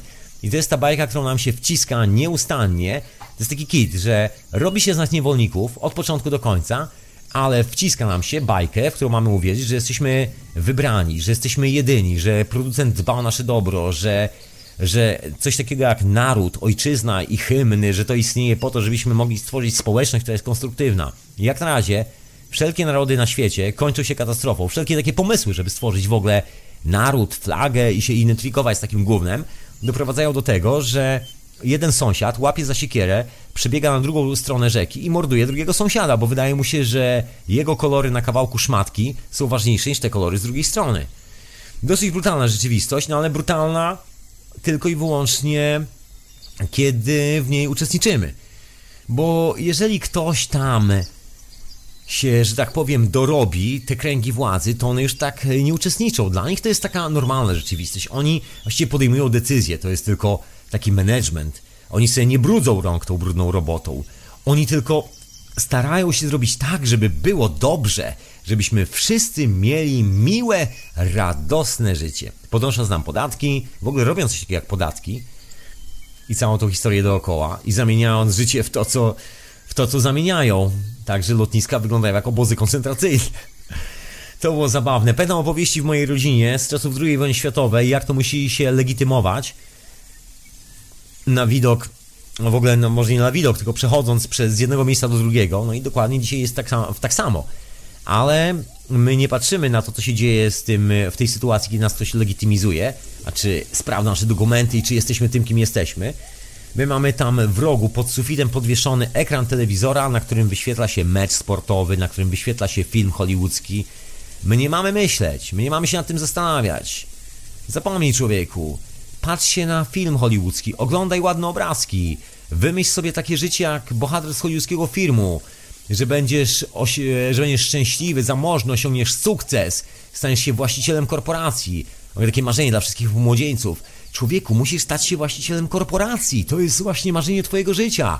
W ogóle musisz odnieść sukces. Sukces to jest to. Bez sukcesu, bez sukcesu to nie ma życia. Życie jest po to, żeby odnieść sukces. No właśnie. A tu idzie fajna katastrofa i myślę, ta katastrofa przyczyści wszystko konkretnie, bo jeżeli cokolwiek się zatrzęsie na tej planecie, a zatrzęsie się potężnie, to nie pozostanie kamień na kamieniu po tym systemie. I teraz już system zaczyna, że tak powiem, jęczeć, stękać i marudzić na to, że no mnie jest może najlepiej i tak dalej, i tak dalej, ale jednak uwierzmy w to. Uwierzmy. Zachęca nas do tego, żebyśmy zostali w tej gównianej sytuacji i żebyśmy cały czas tym dealowali. Oni wiedzą doskonale o co chodzi, nawet czują podświadomie, bo wszyscy czujemy podświadomie, że koniec tej zabawy nadchodzi to bardzo szybkimi krokami i że tak powiem, ta część towarzystwa próbuje się teraz, e, że tak powiem, e, próbuje sobie przygotować miękkie lądowanie. Tak, żeby w razie tego, jakby coś się stało, żeby mogli powiedzieć, ale wiesz, my jesteśmy takim e, troszeczkę innym środowiskiem niezależnym, my tutaj wiesz, zawsze byliśmy za sercem, zawsze byliśmy za duszą, zawsze byliśmy za pokojem na świecie i miłością. Tak, jasne, już to widzę pokaż mi, gdzie to się wydarzyło. No i tu zawsze są rozkładane ręce, właściwie nikt nie wie, gdzie to się wydarzyło, ale oni niby są za tym pokojem i miłością i tak dalej. I wiecznie straszą wszystkich tym, że zaraz ktoś przyjdzie do ich domu i ich zabije. Tworzą atmosferę paranoi, nieustannie, codziennie podjudzają każdego, którego tylko mogą dorwać, żeby był w takim stanie nieustannego strachu, z takim, wiesz, przerażony jestem, przerażony, bo zaraz ktoś przyjedzie i zabierze mi moje krzesło, na którym siedzę i mój talerz, z którego jem zupę i spali mój dom. I ludzie w to wierzą. Zabawna sprawa, prawda? Zabawna sprawa. A później ten człowiek, który cię straszy cały czas i doprowadza do tego, że zamieniasz się w świra, kiedy sytuacja się zmieni, mówi ci, ale wiesz, my tak naprawdę robiliśmy to dla twojego dobra. Dla twojego dobra. Chcieliśmy twojego dobra. Zawsze chciałem twojego dobra. Nigdy nie kłamie. Halo, halo, mili słuchacze i mile słuchaczki. Mówi wasz ulubiony speaker o aksamitnym głosie i milej aparycji. Słuchacie Radia na Fali i audycji Tomasza Hiperprzestrzeń. Wow, dziękuję Ci książę. To właśnie głos księcia, która gościnie wreszcie Wreszcie skończył robotę i się pojawił. Nie, no nie tak, żebym skończył robotę. E, to nie byłem ja, przecież to był aksamitny Tak, speaker. to prawda, właśnie, to był aksamitny speaker. God damn, zapomniałem. Could you? Nie poznałeś ogóle. Shit, man. Next time gonna be better. E, kłaniam się, słuchaczku. E, wpadłem tak na chwilkę, słyszę, że kapitan tutaj miota gromy dzisiaj. Yeah, man. Yeah, i fantastyczna playlista z, e, no, z wczorajszego YouTube Party trochę parę numerów, tak? Tak, oczywiście, jak najbardziej. I will never tell a lie. Otóż to. E, no nie, ja troszkę tak z innej beczki jestem dzisiaj, ale myślę, że za chwilkę złapię drift również. Zaraz wracam jeszcze do laptopa na moment. Tam oczekują wszyscy w napięciu na kolejne pliki, e, a ja tutaj próbuję odparować po całym dniu na stadionie Twickenham. Gdzie wszyscy machali chorągiewkami. E, O, jest. To było bardzo, bardzo tak. Ale to z, z kolei ciekawa rzecz, bo przypadku, bo mówimy o turnieju Six Nations, y, takim turnieju rugby. To trochę wiadomości sportowych. Tak, tak. Ale to jest bardzo właśnie, y, bardzo związane z, y, z całą właśnie flagą i tak dalej, i tak dalej. Tylko, że w przypadku Six Nations myk polega na tym, że z samej Wielkiej Brytanii są aż trzy drużyny. I dzisiaj była taka ciekawa, ciekawa e, scenka. E, Dzisiaj grała Anglia z Irlandią. E, oprócz tego gra jeszcze Szkocja i Walia. I gdzieś tam jakiś, ktoś, któryś z jakichś ochroniarzy czy stewardów miał gdzieś nas zaprowadzić na stadion, czy coś w tym stylu i on tak od razu, od razu zastrzegł w, pierwszym, w pierwszych słowach, że on jest z Walii. Jakby co, to on jest z Walii. Mimo, że w jednym kraju mieszkają, widzisz. No. Fajnie podzieliły się. Mhm. Dali się zrobić tak kompletnie na szaro, ale właściwie każdy dał się zrobić. Przecież też mam paszport polski, znaczy, na, ale nie wybierałem, wiesz. Nigdy nie miałem jakiejś takiej specjalnej ochoty na machanie flagą, po, szczególnie po tym momencie, kiedy nagle dowiedziałem się w wieku 18-19 lat, że chcą mnie za chwilę aresztować, bo, bo ja po prostu nie chcę iść do wojska. Mam własną firmę, żyję po swojemu i mieszkam z, z miłą dziewczyną i wszystko jest fajnie. I nagle się okazuje, że jestem niewolnikiem, który musi pójść i odbębnić swoje. Ale stwierdziłem, że tego nie zrobię. To stwierdzono, że wezmą mnie siłą, ale nie udało się. Szczęśliwie się nie udało, trwało to Całe 4 lata. Człowieku, Man. Chociaż kto wie, byłbyś teraz na emeryturce w tym wieku. Nie, nie, skończyłbym w więzieniu wojskowym. Na Ale nie, no, 100%. gdyby, gdybyś poszedł, wiesz, gdybyś się przysłużył. Nie, nie, naprawdę. Nie nadaje się. don't get me wrong, ja też uniknąłem służby w troszkę bardziej uproszczony sposób, ale też nie spieszyło mi się, nie spieszyło mi się, szkoda mi było czasu. Życia. Takie, tak, tak, już generalnie rozpędzałem się tam z różnymi swoimi sprawami i to w ogóle ten koncept był jakiś taki nie po drodze, bardzo.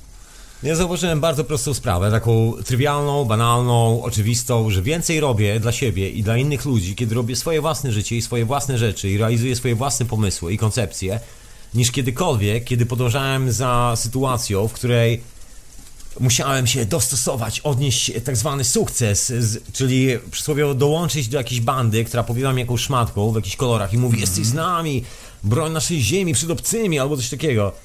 Man, ci No ludzie nie, są no, chorzy. Chorzy są. A, ciekawe, ciekawe widzieć właśnie jak się dzieje to, że tutaj ta wieczorowa pora tam wchodzi. Tak, ciekawie. Anyway, e, a propos tej, e, tego, co powiedziałeś przed chwilą, że to jest trochę tak, że wiesz, no jeżeli robisz coś dla kogoś, to jest takie, wiesz, że ty robisz, dajesz coś dla wielu, natomiast y, koncept przeciwny, do którego jesteśmy tak wszyscy namawiani, to jest to, żeby wszyscy dawali jednemu tak naprawdę. Wszystko, co mają, swoje Tak zawody, najcenniejsze których sprawy, fotografowałeś. życie. Przyszli ludzie, oddali swoje życie tylko po to, Tak. żeby kilku prezesów właściwie zarobiło swoją kasę sprzedając reklamy, bo nie czarujmy się, że sport nie jest po to, żeby robić Nie, sport, nie, tylko sport jest po to, żeby zarabiać grubą kasę. I to, wiesz co, myślę, że sponsorowanie to jest, to, to jest jakby, to jest tak działalność, którą widać, ale jest taka też ciemna strona tego, czyli hazard.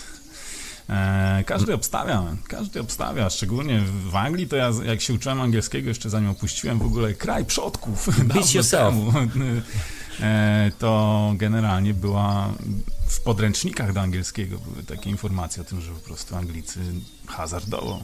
Znaczy, Hazardowo. Nie, nie hazardowo, nałogowo hazardują. Tak, no, nałogowo hazardują. Tak. Tutaj są wszędzie takie punkty dookoła. Zresztą w Irlandii podobna W Irlandii historia. Tak, no u mnie na wiosce... W, w, Obstawiasz przyszłość. Tak, swego czasu były trzy bet shopy. Tak Oh zwane. man. No, teraz ostał się jeden, bo tam między nimi też jest taka ostra Konkurencja. Konkurencja, tak. E, I powstają też takie międzynarodowe konglomeraty i to jest takie, mało kto tak się naprawdę przyznaje do tego, że tam, nie wiem, ktoś tam powie, a tam obstawiłem piątaka czy coś, ale przecież kupa ludzi tam przewala swoje wypłaty, myślę. No. No to jest taki wątek pod tytułem Wszyscy wierzą w coś, znaczy uwierzyli, znaczy nie wszyscy, bo to też jest tego ugólnienie niepotrzebne, ale wielu uwierzyło w to, że jest dokładnie tak, jak im mówią. Że jutro jest wspaniałe, cudowne i w tej, w tej gonitwie za tym, co jest jutro, nawet nie zauważyli, że woda, którą mają w kranie nadaje się do picia, że to jest ich dzisiaj, że nie nadaje się do niczego. Ja sobie tak czytałem jakiś czas temu, no tak wspomniałem chyba parę razy gdzieś w radiu na fali, dane medyczne z, ze Stanów i z kilku innych tak zwanych wysoko rozwiniętych krajów, gdzie okazało się, że kartele farmaceutyczne są odpowiedzialne bezpośrednio za eksterminację 50%, 50% populacji, 50% ludzi umierających w tak zwanych wysoko rozwiniętych społeczeństwach nie umiera śmiercią naturalną, są to dane medyczne, tak zwanego koronera. Tylko umiera w wyniku powikłań, tak zwanych. To jest tak sprytnie zapisane, że właściwie nie wiadomo dlaczego umiera, ale wszyscy wiedzą, że to są powikłania związane właśnie ze sposobem życia, stres, nie masz czasu, jesz gówno, dostajesz jakieś chemiczne dopalacze, nie wiadomo co. I jesteś traktowany, no nie wiem, w ogóle nie jesteś traktowany, jesteś właściwie na poziomie w tym momencie aborygena, może troszeczkę lepiej, bo tobie pozwalają mieć samochód, aborygenowi niespecjalnie, aborygen nigdy nie będzie miał tylu pieniędzy, żeby mieć samochód i pojechać do innego sklepu niż tego, w którym jest coś do jedzenia, a nie piwo. I tak się cała historia kończy, że jesteś tak, wiesz, króciutko, bardzo króciutko na smyczy.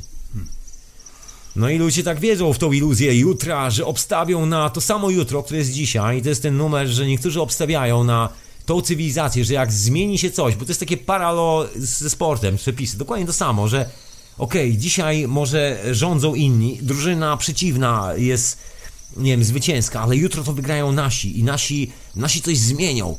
Nasi zmienią zasady i... A właściwie nie zmienimy zasad, bo dalej zasady będą te same, ale według tych zasad pokażemy im i wygramy.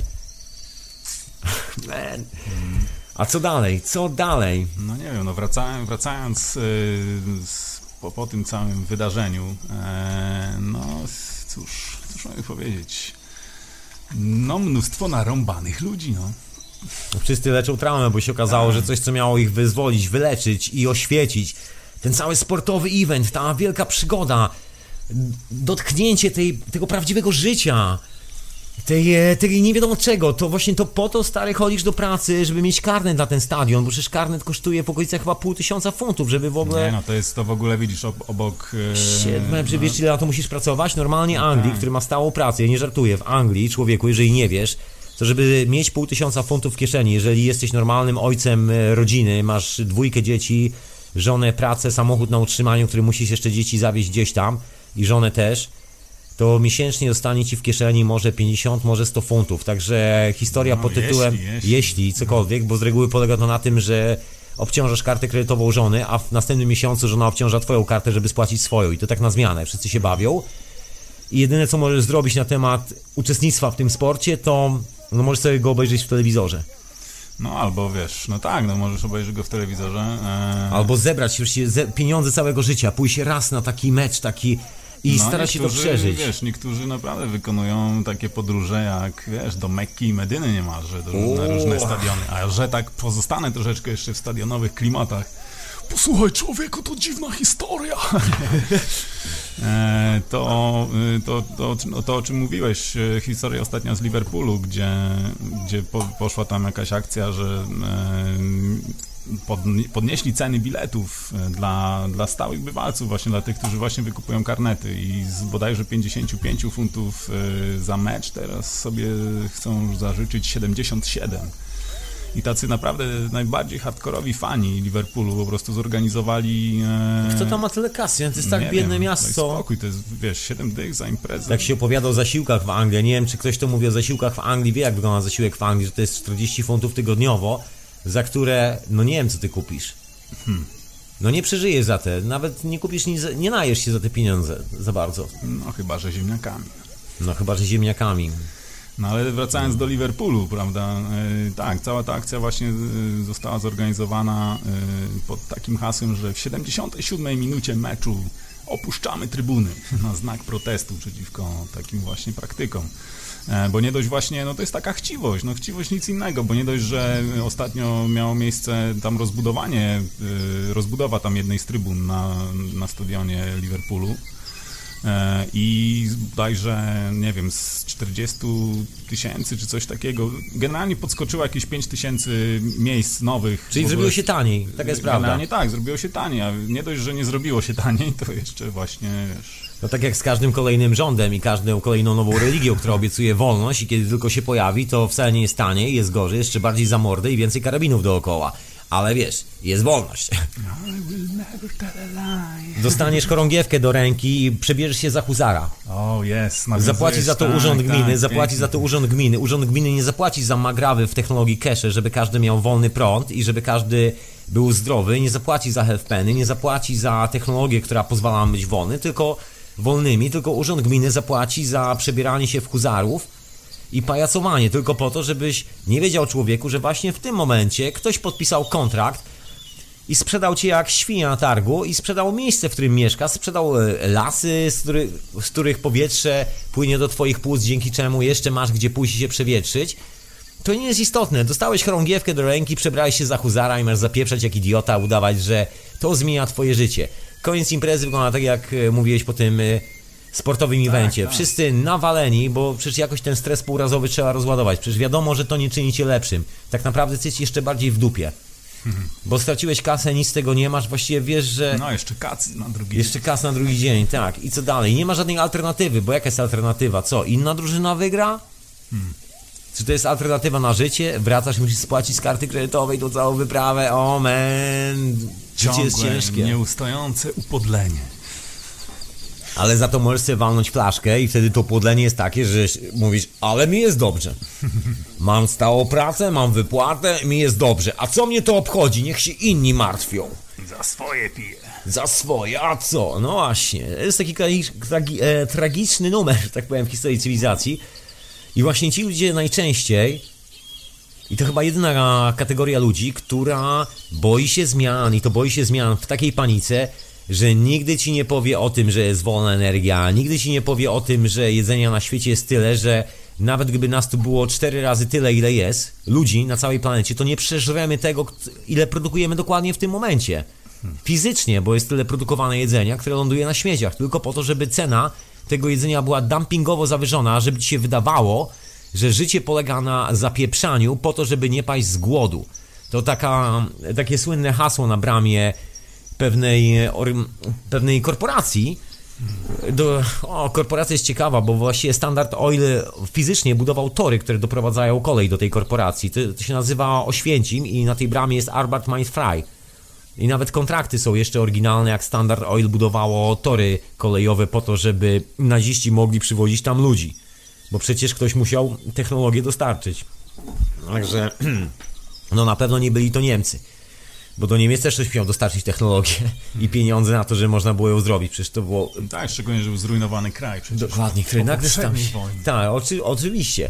No i teraz wygląda trochę tak, że w Polsce zdaje się i w kilku innych miejscach na świecie kilku ludzi próbuje przetrenować ten numer i zrobić taką drugą, trzecią rzeszę, powkładać wszystkim chorągiewki w ręce, kazać im machać, powiedzieć, że sąsiedzi są chorzy i że trzeba zastrzelić swojego własnego brata, który myśli inaczej i że to wszystko trzeba zrobić w imię narodu, w imię wspólnej jedności i że wszyscy musimy kibicować drużynie sportowej i że wszyscy musimy pójść, schlać się wódą na koniec i zagłosować w jakichś wyborach, a później może zmienią się przepisy i może jak zorganizujemy kolejną milionową konferencję na temat cannabis, to kolejny pajac, który zostanie wybrany prezydentem, obieca, że on się nad tym zastanowi, a ludzie dalej będą umierali.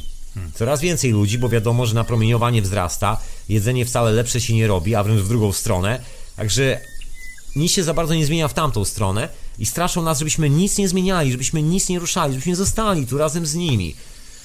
Uff, ciekawa propozycja, bardzo ciekawa, bardzo. Tak. No ale tak, tak jak mówiłeś, to jest właśnie słuszna droga, żeby, żeby no, nie wiem, no klasycznie, wracamy ciągle do tego samego punktu. Rewolucja oddolna. Oddolna, Oddolna, tylko ten kierunek, bo nie ma innego. no innego, to jest jedyna rewolucja, która może mieć, przynieść taki skutek jak prawdziwa rewolucja, a nie tylko hmm, Jakieś takie po prostu z, przemalowanie na inny kolor. No. Zmiana dekoracji. Zmiana dekoracji, dokładnie. No. no zastanawiające jest to, właśnie nie wiem, jak ta, patrzę tam na jakieś takie akcje z, z kraju ostatnio, to jest szokiem jest dla mnie, jak łatwo, jak szybko ludzie właśnie są w stanie skoczyć sobie do gardy, po prostu nie wiem, jedni, ci, jedni protestują przeciwko czemuś, inni protestują przeciwko tym protestującym. Zawsze wszystko jest jakieś takie, właśnie ten podział na oni i my i w ogóle jakiś paranoja. paranoja. Nasi i nie nasi. Nasi i nie nasi, no.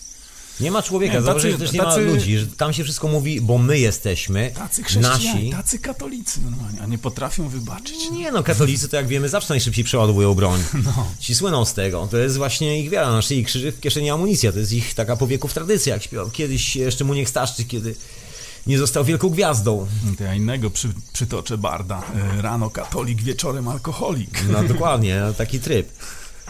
I Teraz się obiecuje duży sukces, że wszyscy muszą zapieprzać i wierzyć w to, że nie pracujesz, nie jesz. To obóz koncentracyjny jest. W obozie koncentracyjnym były proste zasady. Albo pracujesz, albo idziesz na druty. No tak. A teraz jest tak, i ja gadałem w ogóle wiem, w zeszłym tygodniu z kolesiem z Polski, tu w Londynie, koleś mojego znajomego, który w ogóle walnął mi tekstem, on opowiadał o swoich, wiesz, pracy i tak dalej, bo ci nic innego nie ma do powiedzenia, ale w pewnym momencie rzucił, bo wiesz, nie pracujesz, nie jesz. I zrobiłem wielkie oczy, pomyślałem, men, co ty masz w głowie, człowieku? No to to już jest obóz koncentracyjny, no to, to na druty już. Żeby było taniej, bo przecież ołów kosztuje, trzeba wystrzelić amunicję, lepiej zrobić bomby klasterowe, spuścić na Syrię, to nie będziemy strzelać do ludzi, to na druty z nim. Dokładnie, nie pracuje to nie je. Żarcie jest w brud, wypieprza się około ponad 50% żarcia, które jest produkowane dla supermarketów do śmieci po to, żeby nikt nie mógł tego zjeść, żeby cena była dumpingowa, żeby ludzi nie było stać na normalne jedzenie. Ale wiesz, kto nie pracuje, Nie, takie Ten właśnie- druty. Takie przewartościowanie, wiesz, jakby nie, wiesz, no, jedzenie, które służy właśnie temu, żeby, nie wiem, podtrzymywać nasze życie, stało się też jakimś po prostu Tak. produktem, którym się obraca, jak, nie wiem, Coś, co walutą, jak a zdrowie człowieka innym. to jest najlepszy numer, że, że się płaci za, leka- za lekarstwa i za... Man, to jest w ogóle... To jest szaleństwo. I ludzie się boją rewolucji, boją się, że rewolucja wysadzi z siodła i zmieni tą cywilizację. No Wiesz, a, albo jeszcze będzie gorzej, albo coś. No. Bo, bo jak ja spłacę kredyt, jak będzie rewolucja, człowieku, olej to. Jak będzie rewolucja, to twój kredyt się skończy i te wszystkie sprawy ulegną zagładzie. I No to ja, wszystko. Ja tak liczę, ja tak liczę. To nie ma co liczyć, to tak jest. że, że właśnie ym, hmm, dlatego, bo cóż, no co mogę powiedzieć, muszę się przyznać, mam kredyt, No tak, ale ja nie. rozciągnąłem go na możliwie najdłuższy, jakikolwiek, jak, jaki się dało. Właśnie z, taki, z takim przeświadczeniem, że man, za, nie wiem, 30 lat, co to będzie, kto to wie. w. Dokładnie. Minęło tam jakieś 10 w tej chwili, a, Wow. już, a już wygląda na to, że to lada chwila. Że jesteś w wygranej pozycji. tak, co mogę powiedzieć? Skazany na sukces. Dokładnie. No ja nie mam kredytu i wyobraź sobie, e, też jestem skazany na sukces. Ale ja to mam we krwi. Bo ja jestem skazany na swój własny sukces, swojego własnego życia, a nie sukces w systemie. Także tak od, Tak, y, tak. od samego początku bycia świadomym, że tak powiem, od kiedy zrozumiałem, że sam mogę sobie zrobić kanapkę, to ta kanapka jest moim sukcesem. Moje własne ręce, moja własna głowa, moje własne nogi i moja własna percepcja rzeczywistości jest moim sukcesem w życiu. Nie pieniądze, nie firma, nie to, co zrobiłem, tylko to, co mogę zrobić i to, co robię w tym momencie i że robię to samodzielnie. To jest mój sukces. Moja kanapka, moje wyspanie się, doskonała kąpiel, relaks, dobrze spalony joint z doskonałymi ludźmi. No nie wiem, wiesz, y, zgodnie z powiedzeniem czas to pieniądz, jesteśmy bogaczami, no bogaczami jesteśmy. Zawsze się tak uważałem z takiego bogacza i to Ja jest, też. to jest jedna opcja. Tak, tak. To jest jedyny mój zasób, który jestem w stanie odsprzedać czas. Trochę czasu. Trochę czasu. No ale też nie za dużo, bez przesady. Nie, nie, nie. nie, Czas jest moim sukcesem w życiu i nie zamierzam go poświęcić w, w, miar, w ramach walki o wolność, równość, braterstwo i demokrację na świecie. I nie, absolutnie nic z tych rzeczy. Nie mam zamiaru go sprzedać psychopatom. Żadnych takich numerów. Widziałem następny numer, jaki tam Tak. Pod, po, po, po, pod, y, po, podciągałeś trochę. A oczywiście to przez ciebie podciągałem przez ten ostatni Yeah, wieczór, przez tą yeah. rock'n'rollową imprezę wczoraj. No. Drogi słuchaczu, bo dzisiaj hiperprzestrzeń troszeczkę później, a przy okazji przepraszam za, jeżeli czekasz na zaległości, za chwilę się pojawię, jestem po prostu zapracowany. Ja widziałem, zarobiony, za, żadne podwójne, żadne potrójne. Ale w swoim człowiek. własnym projekcie i naprawdę Tak, jestem no ale zadowolony, tak, jestem tak, no to szczęśliwy. tak To- się w I'm takim- happy. Takim czymś się, wiesz, chętnie pracuje. No. Otóż to. W radiu też chętnie. Także Hmm. za chwilę to się rozładuje wszystko, łącznie z radiem, bo to już jest właśnie tak, powoli już się, no, się poukładało, także lada chwila wszystkie te zatory zostaną rozładowane. Także dzisiaj pociągnę minimalnie dłużej tą hiperprzestrzeń, bo nie będzie dzisiaj wieczorowej pory. Ja tu mam gościa, także wybacz mi człowieku, nie będziemy tu z księciem gadali do ciebie do mikrofonu, tylko sobie porozmawiamy troszkę o swoich własnych sprawach. Bo na tym właśnie polega rewolucja, która się teraz odbywa, na tych rzeczywistych kontaktach. Także ty, jeżeli masz tam kogoś, to też mam nadzieję, że po tej audycji siądziesz i utniecie jakąś miłą gadkę na temat fajnych perspektyw i kilku ciekawych rzeczy, które można zrobić zupełnie z boku organizacji, zupełnie z boku rządów, zupełnie z boku finansjery, zupełnie z boku tych wszystkich patologicznych historii. Tylko coś na własną rękę, kompletnie niezależne działanie. Czy zrobisz olej z kanabis, który dasz komuś, kto jest chory na nowotwór, czy też zaczniesz budować maszynę, która da ci wolną energię i odłączy cię od systemu, czyli na przykład magrała według technologii cache. Cokolwiek byś nie robił, człowieku, idź w kierunku wolności, bo to szkoda twojego czasu na to, żebyś się kopał z koniem. Jest masa frajerów, którzy cię chętnie zapędzą do kieratu i będą ci opowiadali, że jak tylko zagłosujesz na nich, dołączysz do nich, bo oni są oni, to nawet nie jest jedna osoba, oni są oni. I jak dołączysz, to już nie będziesz y, tym jednym, będziesz onym i będziesz mówił już w liczbie mnogiej osobie. Zapomnij o tych pajacach, zostaw ich w spokoju, człowieku.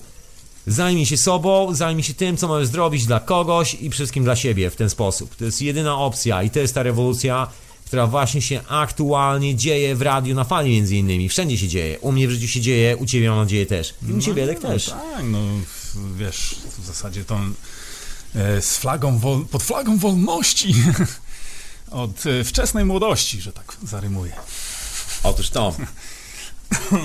Ja zwątpiłem w system od początku, także Tak, tak. nie miałem no, szans. tak samo, tak nie dali mi samo. szansy, żebym w nich uwierzył, absolutnie. Kiedy chciałem być miły, kiedy chciałem coś zrobić, kiedy już myślałem, że dołączę do tego wszystkiego, a dostałem tak po dupie, że w wieku 19-18 lat nagle zacząłem... E, no musiałem zacząć kalkulować, co zrobić ze swoim własnym życiem, żeby nie wylądować w celi więzienia wojskowego, co nie jest dosyć przyjemne. Mój kolega wylądował w celi więzienia wojskowego, mówił, że nauczył się jednej dobrej rzeczy, mianowicie robienia zapalniczki z żarówki, ponieważ nie było tam zapalniczek, także chłopaki musieli sobie jakieś fajki odpalać, także zrobili zapalni zapalniczkę z żarówki.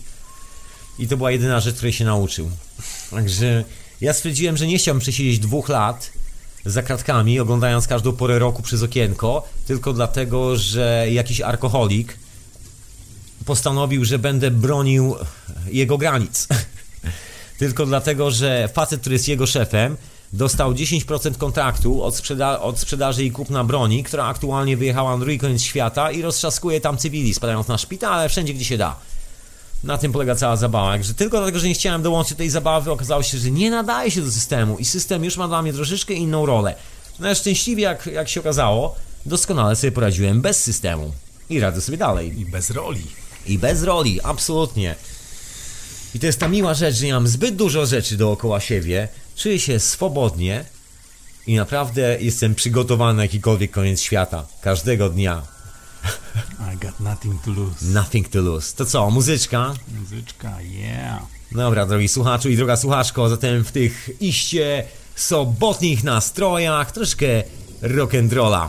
Posłuchaj sobie tekstu tej piosenki. To jest, myślę, esencja życia. Zapomnij o robocie, naprawdę tu nie chodzi o to, żeby tyrać. To tylko naziści twierdzili, że człowiek musi pracować, żeby jeść. Także zastanów się, czy przypadkiem nie jesteś nazistą, bo jeżeli jesteś, to nie wiem, może do lustra trzeba podejść i zrobić sobie takie Sieg Heil, my Führer. I wtedy może poczujesz się lepiej. Ja natomiast uważam, że jedzenie i kilka innych spraw jest na defaulcie.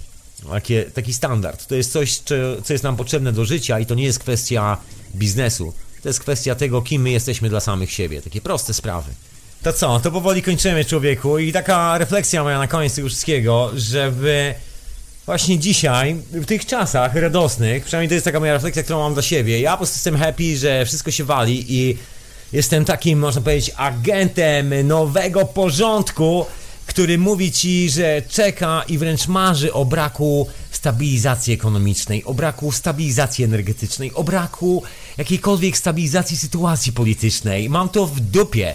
Jeżeli kiedykolwiek nastąpi, już za parę chwil nastąpi destabilizacja tych wszystkich stabilizacji polityczno-ekonomiczno i tak dalej, srysto dupisto, to ja będę szczęśliwy. To jest dokładnie ten moment, na który czekam, kiedy skończy ten cały cyrk i ta cała, że tak powiem, no nie wiem jak to nazwać, po prostu pajacowanie najzwyczajniej, kiedy skończy się to całe zamieszanie i kiedy będzie już normalnie, bo to już się kończy. Właśnie aktualnie opowiada się bajki o tym, że niby ropa staniała i dlatego frachty pływają dookoła Afryki. Nikt nie mówi ludziom, że frachty pływają dookoła Afryki nie dlatego, że ekonomia światowa, sytuacja międzynarodowa, rządy, polityka. Nie, tylko dlatego, że skrupy tektoniczne, których jest zbudowana Ziemia, się właśnie przesuwają i wszyscy armatorzy yy, wycofują swoje statki z równika, dlatego płyną dookoła Afryki, bo nikt nie chce, żeby jego flota utkwiła w, pana, w kanale sueskim, w kanale panamskim, żeby gdzieś utkwiła na płytkich wodach, bo wiadomo, że wtedy tych wielkich tankowców, wielkich frachtów nie będzie można stamtąd wycofać. A nawet nie chodzi o wycofanie stamtąd, po prostu je szlak trafi, bo fala tsunami, która będzie miała okolicach 30 metrów, po prostu połamie je na drobny mak. I żaden z tych kolesi, a oni mają codziennie raporty z sami 100 centrów, które zajmują się skanowaniem dna morskiego, żaden z tych kolesi się tego nie powie. Oni wiedzą, że tam się wszystko trzęsie i że nikt nie wie, kiedy to pieprznie, dlatego dla bezpieczeństwa już teraz zmienili szlaki handlowe i dosłownie od dwóch miesięcy wszystkie szlaki handlowe głównie ciągną dookoła Afryki, tak samo jak dookoła Ameryki Południowej. Raczej unika się wpływania takimi jednostkami, które są dosyć kosztowne i, że tak powiem, mają swoją wartość, właśnie w takie miejsca, gdzie będzie trzęsienie ziemi, czyli cała strefa równikowa bo wiadomo, że system się zawali. Nikt o tym na razie nie chce mówić. Chłopcy, którzy zajmują się przewalaniem e, naszej kasy, są tak zajęci głaskaniem się po futerkach i zamawianiem sobie prostytutek, wciąganiem koksu i chlaniem wody i udawaniem, że przepis, który wymyślają, zmieni coś na świecie, że to jest esencja, którą muszą zrobić. Wydaje mi się, że kolejny milion dolarów coś zmieni. Oni tego nie powiedzą, bo im się wydaje, że, że to się nigdy nie skończy. To jest najlepszy numer. Naprawdę tym kolesiom się wydaje, że to się nigdy nie skończy. to będzie zabawne. Dużo w to zainwestowali. No, No, całe życie, całe życie. Armatorzy są mądrzejsi od polityków. Się zawsze okazuje. byli, zawsze byli. W Stanach już się zamyka Walmarty i aktualnie, jeżeli mi nie wierzysz człowieku, sobie sprawdź newsy. Ja tu pozdrawiam człowieka, swojego człowieka, który być może teraz słucha. Mam dzisiaj news, wczoraj mieliśmy taki news właśnie świeży. W Stanach wyłącza się elektrownie jądrowe, ponieważ wszyscy wiedzą, że upsi daisy, to wszystko już zaczęło się tak trząść, że za chwilę płyta tektoniczna, na której są Stany, przesunie się dosłownie, tam chyba jest 2 metry niecałe, dokładnie 2 metry. Cała ta płyta opiera się na takim czymś, co jest w ogóle śmiechem. I lekkie drgnięcie spowoduje, że cała Kalifornia, Nowy Jork po prostu zjeżdża do morza, nie ma centrów dowodzenia, nie ma CIA, nie ma FBI, nie ma wojska, bo nikt nie zapłaci żołdu żołnierzom. Nie ma już tych wszystkich rzeczy, nie ma systemu centralnego sterowania, bo kto się połączy z satelitami? Dalej będą na orbitach, ale kto się z nimi połączy, jak to wszystko pójdzie pod ziemię? Nie będziesz Doliny Krzemowej, zniknie Google. Tylko zostanie ten, który jest tu na serwerach w Europie i w kilku innych miejscach, taki szczątkowy zostanie. Także człowieku, ja bym nie stawiał troszeczkę na tą cywilizację i nie stawiał na pajaców, którzy ci obiecują złote góry w odległej przyszłości, kiedy, kiedy się już urobisz po łokcie, kiedy przeżyjesz kolejny zawał serca, ledwo się doczołgasz do domu, zapłacisz za lekarza takie pieniądze, że twoja rodzina będzie musiała spłacać długi do końca swojego życia, po to tylko, żeby cię wyciągnąć z tego shitu. A ty jeszcze będziesz dalej kombinował, jak tu zebrać pieniądze, jak tu się ustawić do wiatru. A tu już nie ma wiatru, człowieku. Wszyscy o tym doskonale wiedzą, jeszcze o tym nie mówią głośno, ale już robią. Aktualnie, tak jak ci wspomniałem, w Stanach powoli się wyłącza, po cichu, nie mówi się tego głośno, reaktory jądrowe, ponieważ wiadomo, co się dzieje, jak Ziemia się trzęsie. Są oczywiście tacy ludzie, którzy mówią, a mieszkamy w Europie, mieszkam w Polsce, jestem bezpieczny, bo, bo był wizjoner, który powiedział, że Polski nie dotknie żadna katastrofa. Człowieku, jesteś otoczony reaktorami jądrowymi od czeskiej, niemieckiej i rosyjskiej strony, także jak coś pieprznie, to te reaktory też nie przeżyją, bo one nie są projektowane na wstrząsy sejsmiczne. Nikt nie wyciągnie prętów z reaktora na czas, bo nie ma fizycznie takiej możliwości. Bo jak się zatrzęsie, to pręty się blokują w reaktorze i wyłącza się chłodzenie. Jest zapasowe chłodzenie zawsze na 48 godzin w reaktorach ale to jeszcze zapasowe chłodzenie musi działać. Jak się okazuje, w ciągu ostatnich 30 lat historii elektrowni jądrowych, tylko w dwóch elektrowniach jądrowych na całym świecie a było ponad 100 wypadków, chłodzenie zadziałało. Fukushimie nie zadziałało, a to było tylko lekkie trzęsienie. I to nawet nie trzęsienie, to była fala tsunami, bo tam się ziemia nie zatrzęsła za bardzo, tam po prostu fala tsunami pojechała. I reaktor nie wytrzymał, bo się skończyło chłodzenie. Tak samo w wielu innych miejscach. We Francji lekko się zatrzęsło 4 lata temu, to nastąpiła wielka panika, bo przecież o mało co nie waliło pół Francji w powietrze. Nikt o tym nie mówi głośno, bo oczywiście wszystko zostało utajnione, żeby ludzie się nie bali. Mamy bać się emigrantów, którzy przyjeżdżają do nas. Obcych ludzi masz się bać, sąsiada masz się bać. A o tym ci nikt nie powie. Także człowieku, nie wiem, czy dobry pomysł jest zbierać teraz za bardzo jakby, nie wiem, energię na to, żeby budować ten system i żeby organizować kolejne konferencje w kierunku legalizacji cannabis albo zmieniania jakiegokolwiek prawa. Moja opcja jest taka, no nie wiem, rób co chcesz, ale moja opcja jest taka, że ja mam to naprawdę centralnie w dupie. Jeżeli już, to generalnie sam się wolę zorganizować z tymi wszystkimi rzeczami i sam się organizuję w swoim własnym życiu. I to wszystko. To jest jedyna metoda, która działa, inna nie zadziałała. No ja dodam, jak już tak o, o katastrofach mówisz, to że, e, że generalnie w moim osobistym kosmosie wszelkie katastrofy, jakie się wydarzały, które, wiesz, takie które można by uznać za wszelkiego rodzaju katastrofy życiowe. O, yes. e, przynosiły po prostu zawsze zmiany Wyzwolenie. na lepsze. Tak, wyzwolenie przede wszystkim, tak. I taki po prostu, okej, no to no jak nie tam, to let's go gdzieśkolwiek indziej. Dokładnie. Nie? A mój wniosek na koniec tej audycji jest taki, że ja jestem po prostu agentem katastrofy. Ja po prostu czekam na tą katastrofę. To dla mnie nie jest katastrofa. To, co dla niektórych jest katastrofą, dla mnie jest początkiem prawdziwego życia. To jest właśnie ten prawdziwy świat. Już bez ściemy, ten świat bez centralnego sterowania, bez tego cwaniactwa. Ja po prostu lubię katastrofę i czekam na tą katastrofę i naprawdę strasznie mi się to podoba. Yeah. That's gonna be fun. Oczywiście w wielu miejscach będzie niebezpiecznie, to jasna sprawa, ale i tak jest niebezpiecznie. Jakby mało ludzi ginęło teraz i to ginęło bez powodu. Właśnie o ile ludzi giną w katastrofie, to jeszcze to jestem w stanie zrozumieć. To jest normalna sprawa, bo jak jest katastrofa, wali się góra, to ludzie pod górą mogą zginąć.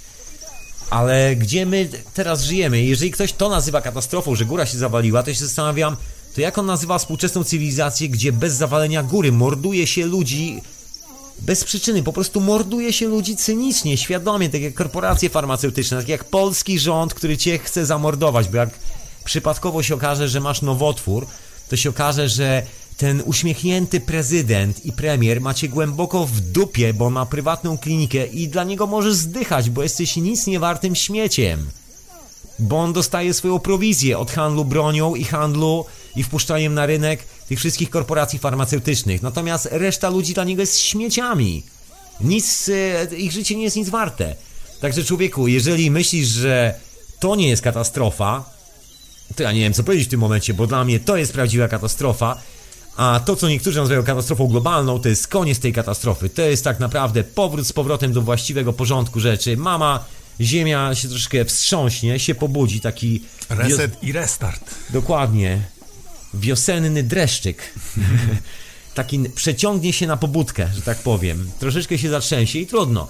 Są informacje na ten temat. Wiadomo jest, że jeżeli mieszkasz w Kalifornii, człowieku, to lepiej pakuj manatki i zasuwaj do Kolumbii Brytyjskiej. Jeżeli mieszkasz w Hiszpanii, to lepiej się stamtąd wyprowadzaj na, z południa Europy, bo może połowa Hiszpanii zjechać do Atlantyku i nie tylko. Afryka się oddzieli od lądu. To nie jest dowcip. Ja wiem, że to może dla niektórych brzmi dziwnie, ale naprawdę jest to słaby dowcip. Tak właśnie będzie. Sprawdź sobie wszystkie prognozy sejsmiczne. Masz dużo czasu, żeby to zrobić.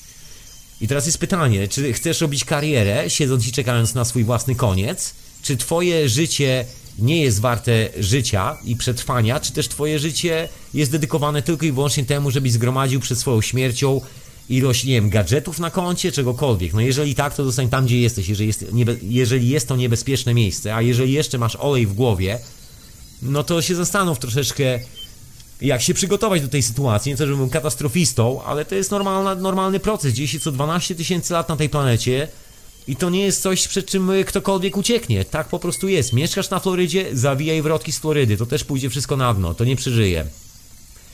To nie jest kwestia do dyskusji i to nie jest e, żadna bajka. Tak po prostu się dzieje. I wiemy o tym, mamy na to czas, możemy to zrobić. I teraz jest piękny moment, bo myślę, że to jest ten moment, gdzie każdy może dostrzec, że w obliczu nadchodzącego wyzwolenia ta katastrofa, którą mamy dzisiaj, jest czymś, co należy natychmiast porzucić i zająć się nie zbieraniem zwłok, tylko zbieraniem się ze swoimi braćmi i siostrami, robieniem fajnych rzeczy i fajnego życia, bo jeżeli cokolwiek z tym systemem walnie, to jedynym zabezpieczeniem dla nas samych, jakimkolwiek zabezpieczeniem, że wszystko będzie ok, jest ten człowiek, który jest najbliżej nas, to nasi przyjaciele, to są ludzie, którym pomagamy, to są nasze ręce i nasze nogi, nikt inny, żaden rząd, żadne prawo, żadni ludzie, którzy mówią my w liczbie mnogiej osobie, nikt z tych kolesi nie drgnie. Oni nawet nie chcą dopuścić do siebie świadomości, że właśnie stoją w takim momencie, że za chwilę ich tu nie będzie. Oni ciągle zapraszają nas do zabawy. A moim zdaniem, człowieku, ta zabawa nie jest tego warta. Na pewno jesteś fajną osobą i szkoda twojego życia na to, żeby się poświęcił na tym ołtarzu tych psychopatów. Taka jest moja refleksja na dziś, także czekam na rewolucję, która jest właśnie w drodze i nadchodzi. Okej. To jest to. That's gonna be fun. żadnej rewolucji, zawsze będzie nowa huta. Tak nie myśleli niektórzy, a tu się okazuje, że nie będzie nowej huty cały czas. To było zdradzieckie, prawda? Tak. Także... Nie wiem, się przypominałem, polskie rock'n'rolle. A co? Ale to dobry numer swoją drogą. Tak, tak. E, ale to już nie dziś chyba. To już nie dziś. Na dziś już kończę swoje krzyczenie do mikrofonu. Yeah. Yeah! Koniec rock'n'rolla na dzisiaj. Koniec hiperprzestrzeni. Ja zapraszam cię człowieku w środę, do ciebie, do księcia Edwarda. Taką Czyli mam nadzieję, tak. że nie wyrobisz- wyskoczy nic, że nic nie wyskoczy. Mam nadzieję, że będzie ok. Powinno być po takich intensywnych e, zawodach jak tutaj to. Chwila odpoczynku. Na odpoczynku jak najbardziej, więc e, tak. No i pewnie jakieś e, ciekawostki, relacje ze stadionów. I No, nie okej. tylko. nie, nie, myślę, że nie, nie, nic się nie działo takiego. Upili się jak zwykle po. Jak zwykle się upili. Po. Tak. Kto wygrał? Nie wiem, wszyscy się upili. Klasyczny sport. Tak. Wymiar sportu w dzisiejszych czasach. No ale wygrała Anglia niestety, Okej. nie Irlandia. Sad thing dla tych, którzy są z Anglii i kibicowali przede wszystkim. smutna rzecz dla, ko- dla kogoś, ktokolwiek w ogóle Się przyjmuje. przyjmuje. Bo ja nie. nie. Tak jakoś. Nie, Ale bo to się tak mówi, że wygrała Irlandia, ale to wcale nie wygrała Irlandia, tylko jak się nazywa ta korporacja? O2? E, Anglia. Anglia wygrała. Tak, e, no tak, O2, tak. jest To O2 główny- wygrało. główny O2 sponsor, grało tak. z O2, czyli O2. Em, nie, nie, widzisz. O, no, pra, ale generalnie tak, O2 grało z trójką. A to wiesz, że jest ta A sama grupa inwestycyjna, tak, tak, tak. która jest właścicielem firmy korporacji O2 i Trójki, że to jest... Telefonika. Tak. To jest, tak, tak. E, Czyli jedna firma gra ze sobą. To można powiedzieć, że to był taki, No to jest klasyk przecież, no to jest właśnie to złudzenie. taki firmowy mecz. No, no. Pierwsze tak, piętro grało z drugim piętrem. Tak, tak, tak. Coś ten deseń, no. To niesamowity sport. Dokładnie, za tyle ludzi. Ponad 80 tysięcy. Co za challenge. Yeah. Mocna sprawa. I na końcu wszyscy się upili. Nie, w trakcie, niektórzy to jeszcze A, przed. okej. No to jeszcze już tam, już tam od, już od Nie rana, mogli wytrzymać, musieli się już tam wspomóc. można było, już od rana można tam było zaciągać z wodopoju. No. Do wyboru. Nic, to co? To my kończymy. Dzięki wszystkim na czacie za obecność. Ja przy okazji zapraszam do siebie w czwartek na. Że tak powiem, no nie wiem czy lekcje. nie no, żadne lekcje. Na informacje. Ja mam jeszcze telefon, także odbiorę. Odbieram. Odbieram. Witam serdecznie. Witam, witam. No Witam jakże serdecznie, miło was panowie powitać. Rany boskie, aż się cieszę. A mi szalenie miło. Jak zdrów szanownemu panu? A dziękuję, dziękuję. Bardzo dobre, tak jak i was. Zwłaszcza tego twojego rozmówcy, którego witam pięknie i szczególnie, bo ja też niestety Książę jestem Edward. z Nowej przy Huty. mikrofonie. Właśnie. E, nie, nie, ale widzisz, ja nie jestem z Nowej Huty. Książę nie jest z Nowej Huty. To piosenka jest o Nowej Hucie. To o Nowej Hucie to piosenka. Tak, tak. No, o, o, zerwało nam gienia. Sekundę, sekundę, już Jest odbieramy, tak. już... Okej, jesteśmy z powrotem, wszystko działa, uff. E, generalnie Co? dzięki Ja za miłe przez słowo. przypadek nie? po prostu wyłączyłem, przepraszam, słucham. Mówię dzięki za miłe słowo. nie? E, ale nie jestem, nie jestem z Nowej Huty, e, jestem z Dolnego Śląska. Haile Silesia. I Jeronie Hopie, ty jest z Dolnego Śląska, a Kajże jest z... z No nie, nie. My no jesteśmy- Nie, nie. no, na, y, nie no, Geniu, nie mów, że, jesteś, że wiesz, że jesteś... e, znałem, znałem, znam dużo ludzi ze Śląska. Śląska, z, nie z, gór, z, Śląska. z, z górnego Śląska, jak ja to mówię. I też, się, też się wzdrygiwali, wzdrygiwali się właśnie za każdym razem, kiedy mówiłem, że jestem z Dolnego Śląska. E, No ale nie wiem, nie wiem. No, w, wydaje mi się, że to dość, dość jednak y, różnorodne krainy, Górny i Dolny Śląsk. Yy, Jestem separatystą z Dolnego Prawdę Śląska. Godosz, no ale dobra, przechodzę na gwarę normalną, Tak. bo ze mną Dzięki. jest taka sprawa, że ja urodziłem się, wychowałem, dorosłem, zdobyłem wykształcenie w Chorzowie, Alright. natomiast przyszedł czas, a jestem ten rocznik, y, gdzie jeszcze niestety musiał odsłużyć armii, bo musiał, Aha. dostał bilet, trafiłem do Krakowa, no i tu już zostałem, także, A, mm, no także Kraków tak- moja druga, że tak powiem, ojczyzna, moje drugie miasto. No to taki chyba miły awans, myślę. Y, Jak najbardziej. Natomiast bardzo się cieszę. Tu y, pozwolę sobie odbić od tematu. Przede wszystkim dla, dla tutaj ukłony dla Kloda. Klod jesteś? Nie, nie, to nie ma tu Kloda, to ja, ja jestem Tomek. A, Tomek, Jestem. Tomek, Tak, nie, nie. tak, Mich- tak. Michał to w ogóle, Michał to ma osobną audycję, to jest Teoria Chaosu i to jest audycja właściwie transmitowana tylko w Radiu na Fali, bo Michał jest jakby osobnym projektem, który jest niezależny, a ja po prostu jestem Tomek, A ja jestem Edward. zwany kapitanem tego okrętu często. Ja jestem Gieniu, no i e, słyszę was często, bardzo często na urządzeniach mobilnych i dzięki wam zresztą już ponad 18 miesięcy Wow. y, podpisałem e, dzięki wam po 18 miesiącach e, umowę z operatorem, gdzie poprosiłem o maksymalny transfer, żeby was słuchać. Na jednej komórce, jak braknie prądu, to na drugiej komórce, jakby co to na tablecie w pracy, a że Wow, pracuję na nocy miło. po 12 godzin, no nawet zarabiam, więc więc, więc y, tutaj nie mam czego żałować. Jedynie mogę żałować tego, że nie mogę się do was, panowie, wpiąć. A co was słyszę, to y, w powtórkach y, popołudniowych, y, no to żałuję, że nie zabrałem głosu, chociaż tam niektórzy to z was, panowie reporterzy, nie, nie jesteśmy reporterami, słuchaj, słuchaj, Genio, ja, ja mam na imię Tomek, ja mam na imię Tomek. Redaktorzy mówię o to, że jest trochę bagna wśród słuchaczy, no i tego co widzę, co włączają się na dwa, trzy zdania, żeby pokazać swoje warholstwo, to aż, to aż po prostu przykre. Dlatego ja przy, tutaj połączyłem się z wami, żeby coś konkretnie powiedzieć, jeżeli można. Oczywiście. Tak. Dokładnie, po to jest ten Skype, człowieku, dobrze dzwonisz, właśnie o to chodzi. Ja mam czas, my się nie śpieszymy, naprawdę take your time, jak mawiał tutaj w moim, w moim Ze nowym względu kraju. na awarię w pracy, a akurat wcześniej wróciłem do domu, także do białego rana, jako że przyzwyczajony jestem na, do pracy na nocy, bez jednego ziewnięcia mogę tutaj z wami, panowie, przebywać, jeżeli tylko pozwolicie. No nie wiem, czy dzisiaj do, do Białego Rana nie, nie będziemy za bardzo aż tak, ale śmiało. To ja się zamieniam w słuch, bo aż miło czeka usłyszeć z drugiej strony. Tak jest. Konkretnego człowieka, tak? No przede Dokładnie. wszystkim zacznijmy od y, starych spraw, nie? I też proszę o wybaczenie, czy to y, twoja sprawa, czy to Michała, panie redaktorze. I, y, tutaj był temat chyba nawet sprzed pół roku. Nie tyle nie mogłem y, się do was dodzwonić i y, był temat y, stałego słuchacza, tylko teraz nie wiem, czy z tą, czy z Michałem, w sprawie tych sióstr ze Szwecji, które Do- podrzucone tam dewastowały auta i nic im nie było.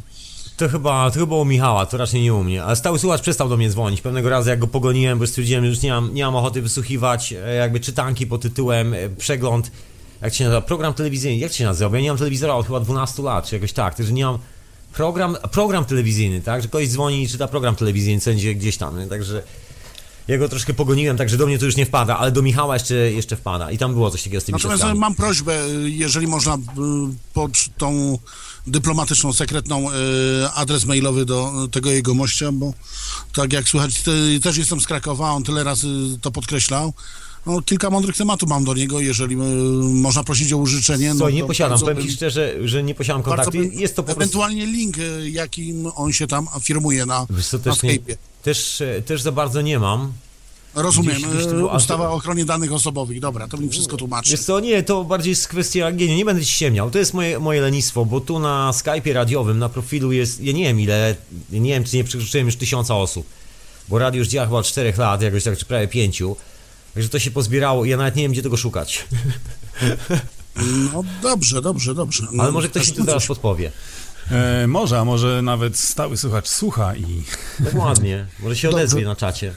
To w formie reklamy zrobiliśmy taki odlot. Panowie, zapodajcie teraz temat. Może ja się udzielę też z czymś e, mądrym, konkretnym, bardzo chętnie. Wiesz, bo my tu sobie obserwujemy historie związane z tak zwaną zmianą, taką to, jak w ogóle funkcjonuje cały świat teraz, właśnie w tym momencie, bo się, no wiele rzeczy będzie działo w najbliższym czasie, już się bardzo dużo Je- dzieje. I jeszcze jedno, jeżeli wo- wolno mi odskoczyć. Raz mi się udało zabrać e, też głos w temacie. Pytanie, to że e, temat wiodący był, czy byliśmy na Księżycu. Ja najpierw puszczałem linki tam o, o, o, o e, odkryciach, jakie były już w misjach sekretnych 17, 18 do 20 włącznie. Czy to z tobą, czy to też z Michałem? Też, Zmieni- też z Michałem, też z Michałem, bo Michał jest w piątek i ty pewnie, pewnie mówisz o teorii chaosu, dokładnie w piątek po godzinie 24 polskiego czasu. Tak, e, e, ewidentnie to był piątek, to się zgadza, dobrze. Słuchaj, ale powiem ci taką ciekawą rzecz, że to też jest. No tak, wtrącę od tego tematu, tak trochę odbiegnę, ale chociaż to też jest związane troszkę z tym, jak nam się robi wody z mózgu. Ja myślę, że to jest po prostu takie świadome działanie, żeby robić nam wody z mózgu, czy byliśmy na Księżycu, czy nie byliśmy i kto był, a kto nie był. Jasne, że byliśmy na Księżycu jako cywilizacja, jako ludzie, ponieważ jest tam jedna, mi- jedna rzecz na tym Księżycu.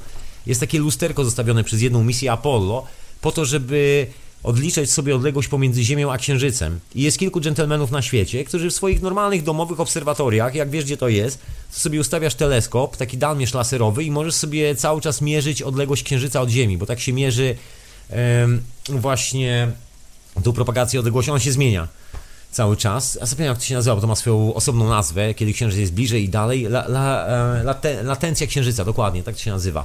I właśnie tym się mierzy. Tam jest lusterko. Jedna z misji na Księżycu zostawiła właśnie takie duże lustro, od którego się laser odbija. I w ten sposób można mierzyć takie historie, jak się przesuwa i tak dalej. Dlatego wiemy, że na Księżycu ktoś był.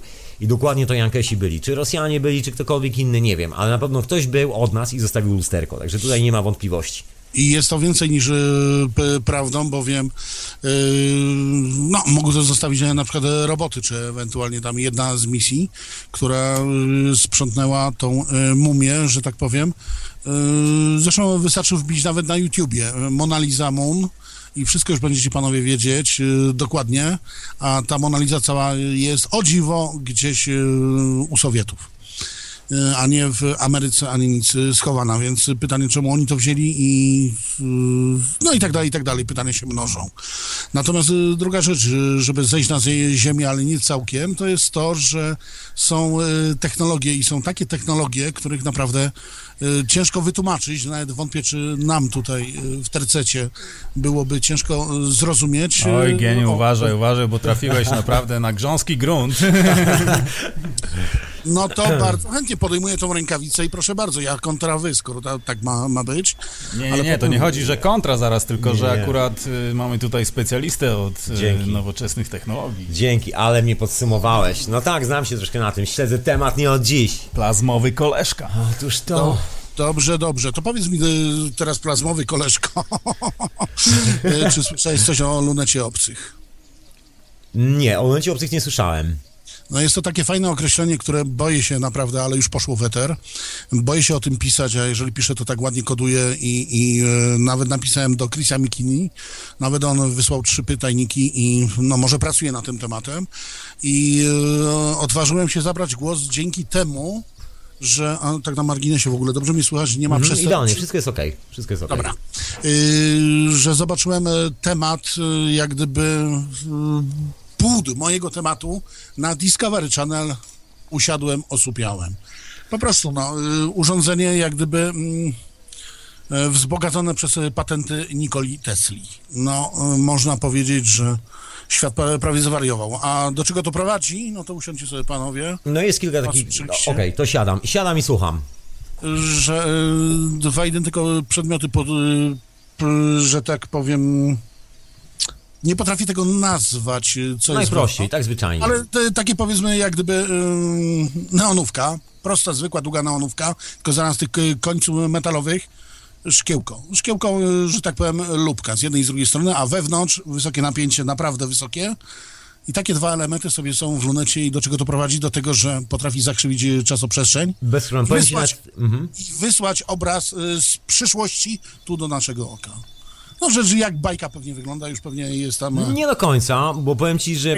A, że, która chce mnie ubrać w biały kaftan, słucham ciebie, proszę. Bo nie jest to bajka, to, że jest czas i przestrzeń jest normalnym zjawiskiem wiadomo, że jest to zjawisko grawitacyjno-magnetyczne. I to jest kwestia poruszania się w przestrzeni, która jest tworzona przez grawitację i magnetyzm razem. Także to nie jest kwestia, że czas istnieje, bo czas jako taki to jest po prostu przestrzeń zwyczajnie. Jeżeli możesz, że tak powiem, zawinąć troszeczkę moce grawitacyjne i magnetyczne, to zawijasz też kwestię czasu, czyli możesz do tyłu i do przodu. To są te historie odpowiadające za to, że zakrzywiamy, zakrzywiamy tą przestrzeń naturalnie w naszym mózgu, stąd mamy déjà vu, stąd na przykład niektórzy z nas widzą przyszłość, ta przyszłość się spełnia. To jest normalna sytuacja, nie ma tu żadnej tajemnicy. I jest technologia bez problemu sobie radząca z tym wszystkim, bo to technologia już istnieje od bardzo dawna i nazywa się po angielsku nanocoating, między innymi. Teraz Fundacja Keshe właśnie wprowadza to wszystko i jeżeli chcesz sobie zrobić taką lunetę, to nie pozostaje ci nic innego, jak wziąć miedziane rurki, znanocoatingować właśnie tą technologią i zrobić tam układ optyczny i podłączyć się pod plazmę odpowiedniej konfiguracji i masz potężny laser, masz potężny mikroskop, potężną lunetę, która się, że tak powiem, naukowcom współczesnym z Los Alamos nie śniła. Był taki gentleman, który zbudował taki mikroskop, oparty dokładnie na tej samej zasadzie, nazywa się King Royal. I zamordowano mu żonę, jak się okazało, że te mikroskopy są za dobre, bo do tej pory nie wybudowano optycznego mikroskopu, który byłby w stanie, byłby zdolny powiększać dokładnie do takich wielkości jak jego mikroskopy za 40 i 50. Wybudował ich, zdaje się, 3 czy, czy 5, 5 jest razem. Jest o tym, e, jeżeli słuchasz radia na fali, to zapraszam słucham, cię słucham. do archiwum, to zapraszam cię do archiwum, bo tam jest taka seria, którą popełniłem, nazywa się Synteza, która teraz też idzie. Leci w czwartek, dokładnie o 22.30 polskiego czasu. I to jest seria poświęcona właśnie wolnej energii i wszystkim hecom z tym związanych. Właśnie o tych urządzeniach, o których nikt nam nie chce mówić, bo wszyscy twierdzą, że to jest niemożliwe. A to jest jak najbardziej możliwe. To, to, że to nie jest możliwe według kogoś, to wynika tylko i wyłącznie no taka jest smutna prawda z braku jego wykształcenia i tego, że został wyprasowany przez ten system i to wszystko. No to ja się pozwolę tutaj wciąć y, i może trochę wyprostować ten światopogląd. Może nie y, to, że przez system, tylko przez ograniczenie, bo jak ktoś z mądrych moich dziadów, pradziadów powiedział, wiesz w nosu, że wykształcenie to można mieć zdobyte albo w genach. Módl się, żebyś miał w genach, a nie w zdobytem, bo jak ci ktoś do w pałkę, to zapomnisz jak się nazywasz i zapomnisz o swoim wykształceniu. Kropka. Więc, y, więc y, miałem wtedy chyba 5 czy 6 lat i bardzo sobie to jakoś wziąłem tak do, do, do, do, do y, utkwiło mi to w, w pamięci. Natomiast to, że to jest i działa, no to wierzę w to całkowicie. Mało tego, brakuje mi jedynie czasu. Brakuje mi czasu ze względu, tak jak mówię, praca dom. No u mnie jest Ameryka, pomimo, że w Polsce rozumiem, jestem. Rozumiem, zdaję z tego sprawę. Dom, łóżko, fabryka że tak powiem. Taka jest moja Ameryka. No, taka prawdziwa Ameryka. Dobrze, że nie masz karty kredytowej do spłacenia jednej, drugiej, trzeciej, czwartej, bo to już było naprawdę yy, USA. Zostałem, z pięciu zostały mi dwie, powiem szczerze, i spłacam. Rozumiem. Więc, więc efekt jest e, taki, a nie inny, że po prostu e, interesuję się dalej. Tym, pomimo, że nie mam wykształcenia wyższego czy ponad, tylko nieprawda wyższe, ale, ale, ale to nie nikogo nie interesuje. Bo właściwie tej technologii nigdy nie nauczysz się na tak zwanym wyższym wykształceniu. Jeżeli, jeżeli czegoś się nauczysz w uniwersytecie, to nauczysz się takich bzdur, że to po prostu głowa paruje. To jest moja no opinia. Wiem, ja cenzura to... działa, bo nie, nie możesz wiedzieć tyle, co Nikola Tesla, proszę ciebie, z fal elektromagnetycznych, bo Ran Boski, wyobraź sobie od czasu wojny przez 60 lat, gdyby wszystkie y, uniwersytety na świecie tak wyszkoliły i y, taką wiedzę przekazały, no wiesz, ile byłoby geniuszy, chłopie. No właściwie każdy jest geniuszem. Jeżeli masz dostęp do tej informacji, wiesz, jak to zrobić, ktoś ci to przekaże, to nagle się okazuje, że to tak trywialnie proste, że aż śmieszne, że nikt tego nie robi. No to wytłumaczę na przykładzie złotnika. No, dał mi jedną bla, blaszkę wielkości powiedzmy smartfona. No i wiesz co to jest? Popatrzę, no sina blacha. Coś tam z metalurgii e, łyknąłem. Patrzę, to chyba przegrzana 45 HN, czyli chromonikiel. A gość e, mówi, przyjdziesz tu jutro, to zobaczysz, co gość e, z tego zrobił, polerując to 2,5 godziny. Okazuje się, że to było jedno z najczystszych, najwyższych prób złoto, które zaraz po odlaniu polewa się takim chyba samoistnym, samorodnym nanocoatingiem i trzeba było to wypolerować. Tak, dokładnie, ale musisz się przegrać. To jest taki numer, że jak... I to jest to, zmierzam do sednia mojej wypowiedzi, że po prostu trzeba mieć wiedzę i wiedzieć, co z tym zrobić. No ja bym to po prostu rzucił do kanału, po prostu tą blachę, a to okazuje się, że to było czyste, czyste złoto. I tak samo z tym faktem robią mnóstwo ludzi, sam wiecie o tym najlepiej. Mhm. To prawda. Znaczy, sam miałem do czynienia z czymś takim zawodowo, także wiem, jak wygląda do, dokładnie to złoto. I to jest taki specjalny, nasz specjalny, to jest osad, który się pojawia, jak je przegrzejesz, tak konkretnie przegrzejesz, ono musi tam popływać w tej foremce i tak popływać tak z 10-15 minut mocno i temperatura, czyli takie 1600-1700 stopni, tak pogrzać się solidnie i nagle pojawia się taki, szar, e, taki nalot i nie możesz dodawać boraksu, żadnych innych rzeczy, zostaw je samo i wtedy nagle jak ostygnie, robi się no po prostu szare, brzydkie, w ogóle nikt nie powie, że to jest złoto, musisz wziąć coś, coś solidnego, jakiś pilnik solidny i zarysować, ale naprawdę konkretnie, bo ta warstwa, która jest na zewnątrz zastyga na naprawdę bardzo twardą. Taki złoty żużel. No. Otóż to. Tak tak więc widzę, że tu- mówi. Także widzę, że tu, tu jesteśmy zgodni też i, i moja synchronizacja intelektualno-umysłowa chyba jest, że tak powiem, w symbiozie z waszymi. Dokładnie. Czego ja cię zapraszam, żebyś tam wpadł troszkę do, do archiwum, że, bo teoria chaosu, teorią chaosu. Tutaj pozdrawiam Michała i jego teorię chaosu. Natomiast zapraszam cię serdecznie, żebyś wpadł tam czasami do syntezy, bo myślę, że znajdziesz tam dużo ciekawych opowieści właśnie dotyczących tych tematów, bo to już nie, nie ma tajemnic za bardzo na świecie. Wszyscy wiemy o tym No nanocodingu. to ja tutaj e, nadmienię raz jeszcze, że słuchałem jako amator i nie wiedziałem, że to jest dwóch różnych prowadzących, a na urządzeniach mobilnych, tudzież na przystanku, tu gdzieś piechotą, tu gdzieś tam w pracy, gdzie maszynę wyjął za oknem, no to ciężko było po głosie rozróżnić e, Rozumiem. chuj i schół, nie? Więc e, teraz mi wyjaśnimy, że jest dwóch prowadzących, taki zakres tematu, no bardzo dziękuję. To jest nieprowadzący, to ja Nawet, jestem nawet trzech. nawet trzech. Nawet trzech. No, no bo jest tam jeszcze coś takiego Książ- jak Teflon, Nie, coś nie, nie, nie, nie, nie, absolutnie, nie, i tak nie, dalej, nie, i nie. tak dalej. No dużo ludzi się udziela tutaj, także... Nie, ci, panowie tylko tutaj wpadają, żeby, nie wiem, ju- już nie wpadają bardzo dobrze, nie są tu mile widziani, bo w sumie jedyne co potrafią powiedzieć tak? to, to obrażają po prostu wszystkich e, i to troszkę jest jakby słabe, bym powiedział, słabe, bo tu albo rozmawiamy ze sobą, albo traktujemy się w bardzo dziwny sposób. Także ja wybieram opcję, rozmawiamy ze sobą. Wiesz, ja po prostu jestem właścicielem tego radia, jeżeli o to chodzi i to wszystko, na tym polega cały numer. Oprócz tego jest tu trzech ludzi, którzy prowadzą swoje, swoje podcasty. Otóż to, także nawet więcej, bo jest czterech dokładnie, bo jeszcze jest Juby, który prowadzi Czas Snu, który No, jest no, jako no, podcast coś. do ściągnięcia. Także jest tego trochę i ja zapraszam Cię właśnie do archiwum, gdzie popełniłem właśnie tą serię pod tytułem Synteza. I tam jest sporo właśnie na temat różnych technologii, o których nikt oficjalnie nie chce mówić, znaczy nie chciał nigdy. No już jest. Wszyscy to wiemy dzięki temu, że pewne rzeczy już wy, wypłynęły ostatnimi laty i no nie jest to już specjalną tajemnicą. Co najwyżej może być to tylko kwestia naszego prywatnego wyboru. Czy chcemy zaakceptować coś takiego, że dzieją się takie rzeczy, że jest taki świat, że istnieją takie urządzenia, takie technologie? Czy też twierdzimy, że nie wierzymy w to, bo nam się nie chce? I to jest No jedyna tym- kwestia wyboru.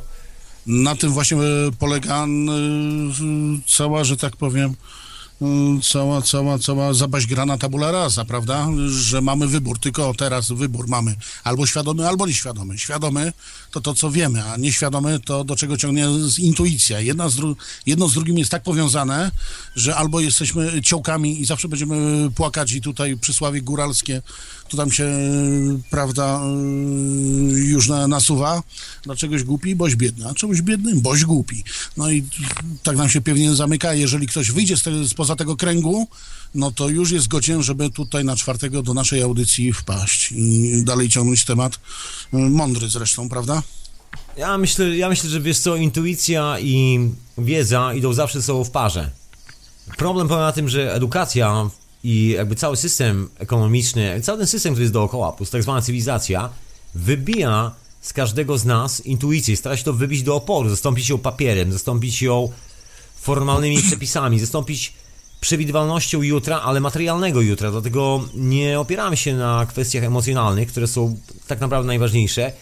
I to jest właśnie ten moment, ta bramka do innego wymiaru, ta bramka, która pozwala każdemu znaleźć tą wiedzę, której szuka, właśnie intuicyjnie, bo to się nie dzieje logicznie. To nie jest kwestia percepcji logiki tego świata, to jest kwestia tego, jak to czujesz. Jeżeli czujesz, że jest ok, to wiadomo, że jest ok. To jest tak jak z dziećmi. jak najbardziej, owszem, tylko I to wszystko, to zawsze jeden. idzie ze sobą, zawsze, tu nie, właśnie nie ma warunków, to jest, to jest, Jest. zawsze idzie ze sobą razem. Jest warunek, jeżeli jesteśmy zdrowi na umyśle, bo jeżeli mamy jakieś padaczki umysłowe, jakieś schizofrenię i różne takie de- dolegliwości neuropatyczne i wizje mimowolne czy też wyobrażeniowe, to to wszystko nam wszystko rozmywa, rozmydli, no i rozpuszcza nas.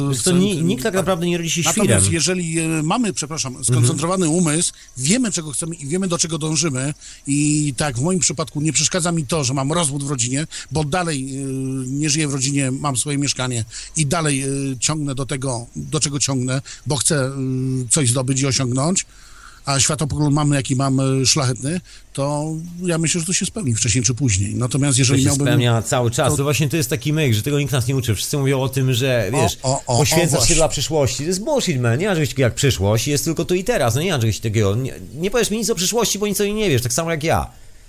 Co najwyżej możemy pogadać trochę o przyszłości, która i tak już nie istnieje, bo już dawno się wydarzyło i tak jej nie zmienisz. Jest tylko jeden moment, moment się nazywa tu i teraz. I żyjemy tu i teraz. Nie ma innej opcji. Albo jesteś tu i teraz, albo cię tu nie ma głową.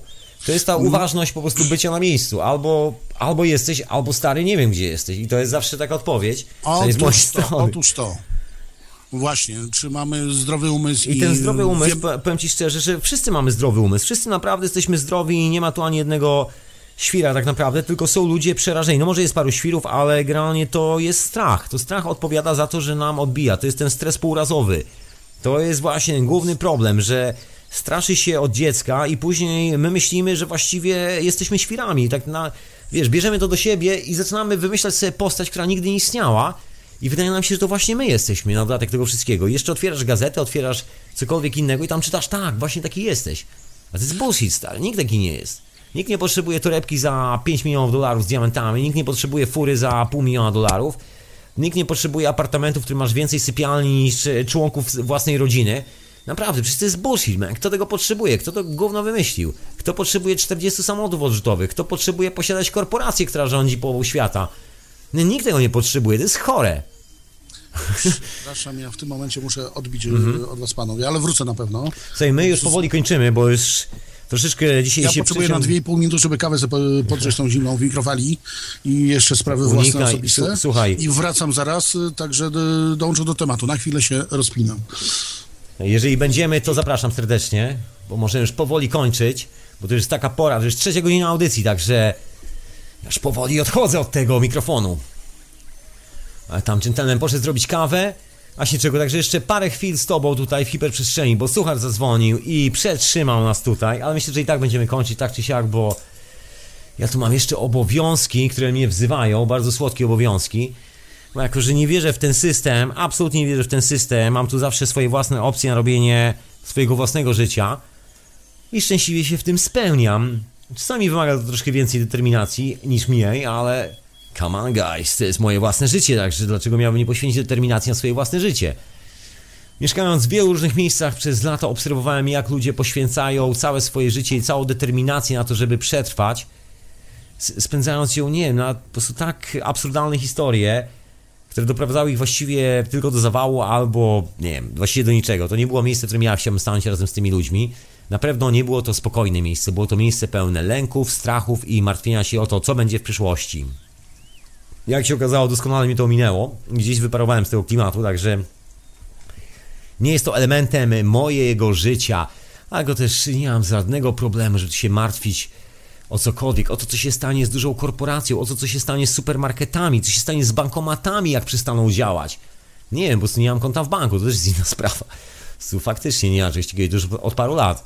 Jak się okazuje, można bez tego funkcjonować nawet w takim miejscu jak Londyn, także da się, to jest kwestia determinacji. Oczywiście nie jest to łatwe na początku jak się okazuje, jedyny problem to to wiesz, człowieku, to problem w głowie, bo przyzwyczajasz się przez lata do tego, że operujesz w tym systemie, operujesz, operujesz tym czymś i to tworzy część twojego życia i ktoś ci mówi, że bez tego zginiesz. To się okazuje, że właściwie bez tego żyje się o wiele lepiej, wygodniej, łatwiej i nie ma tu nic do ginięcia.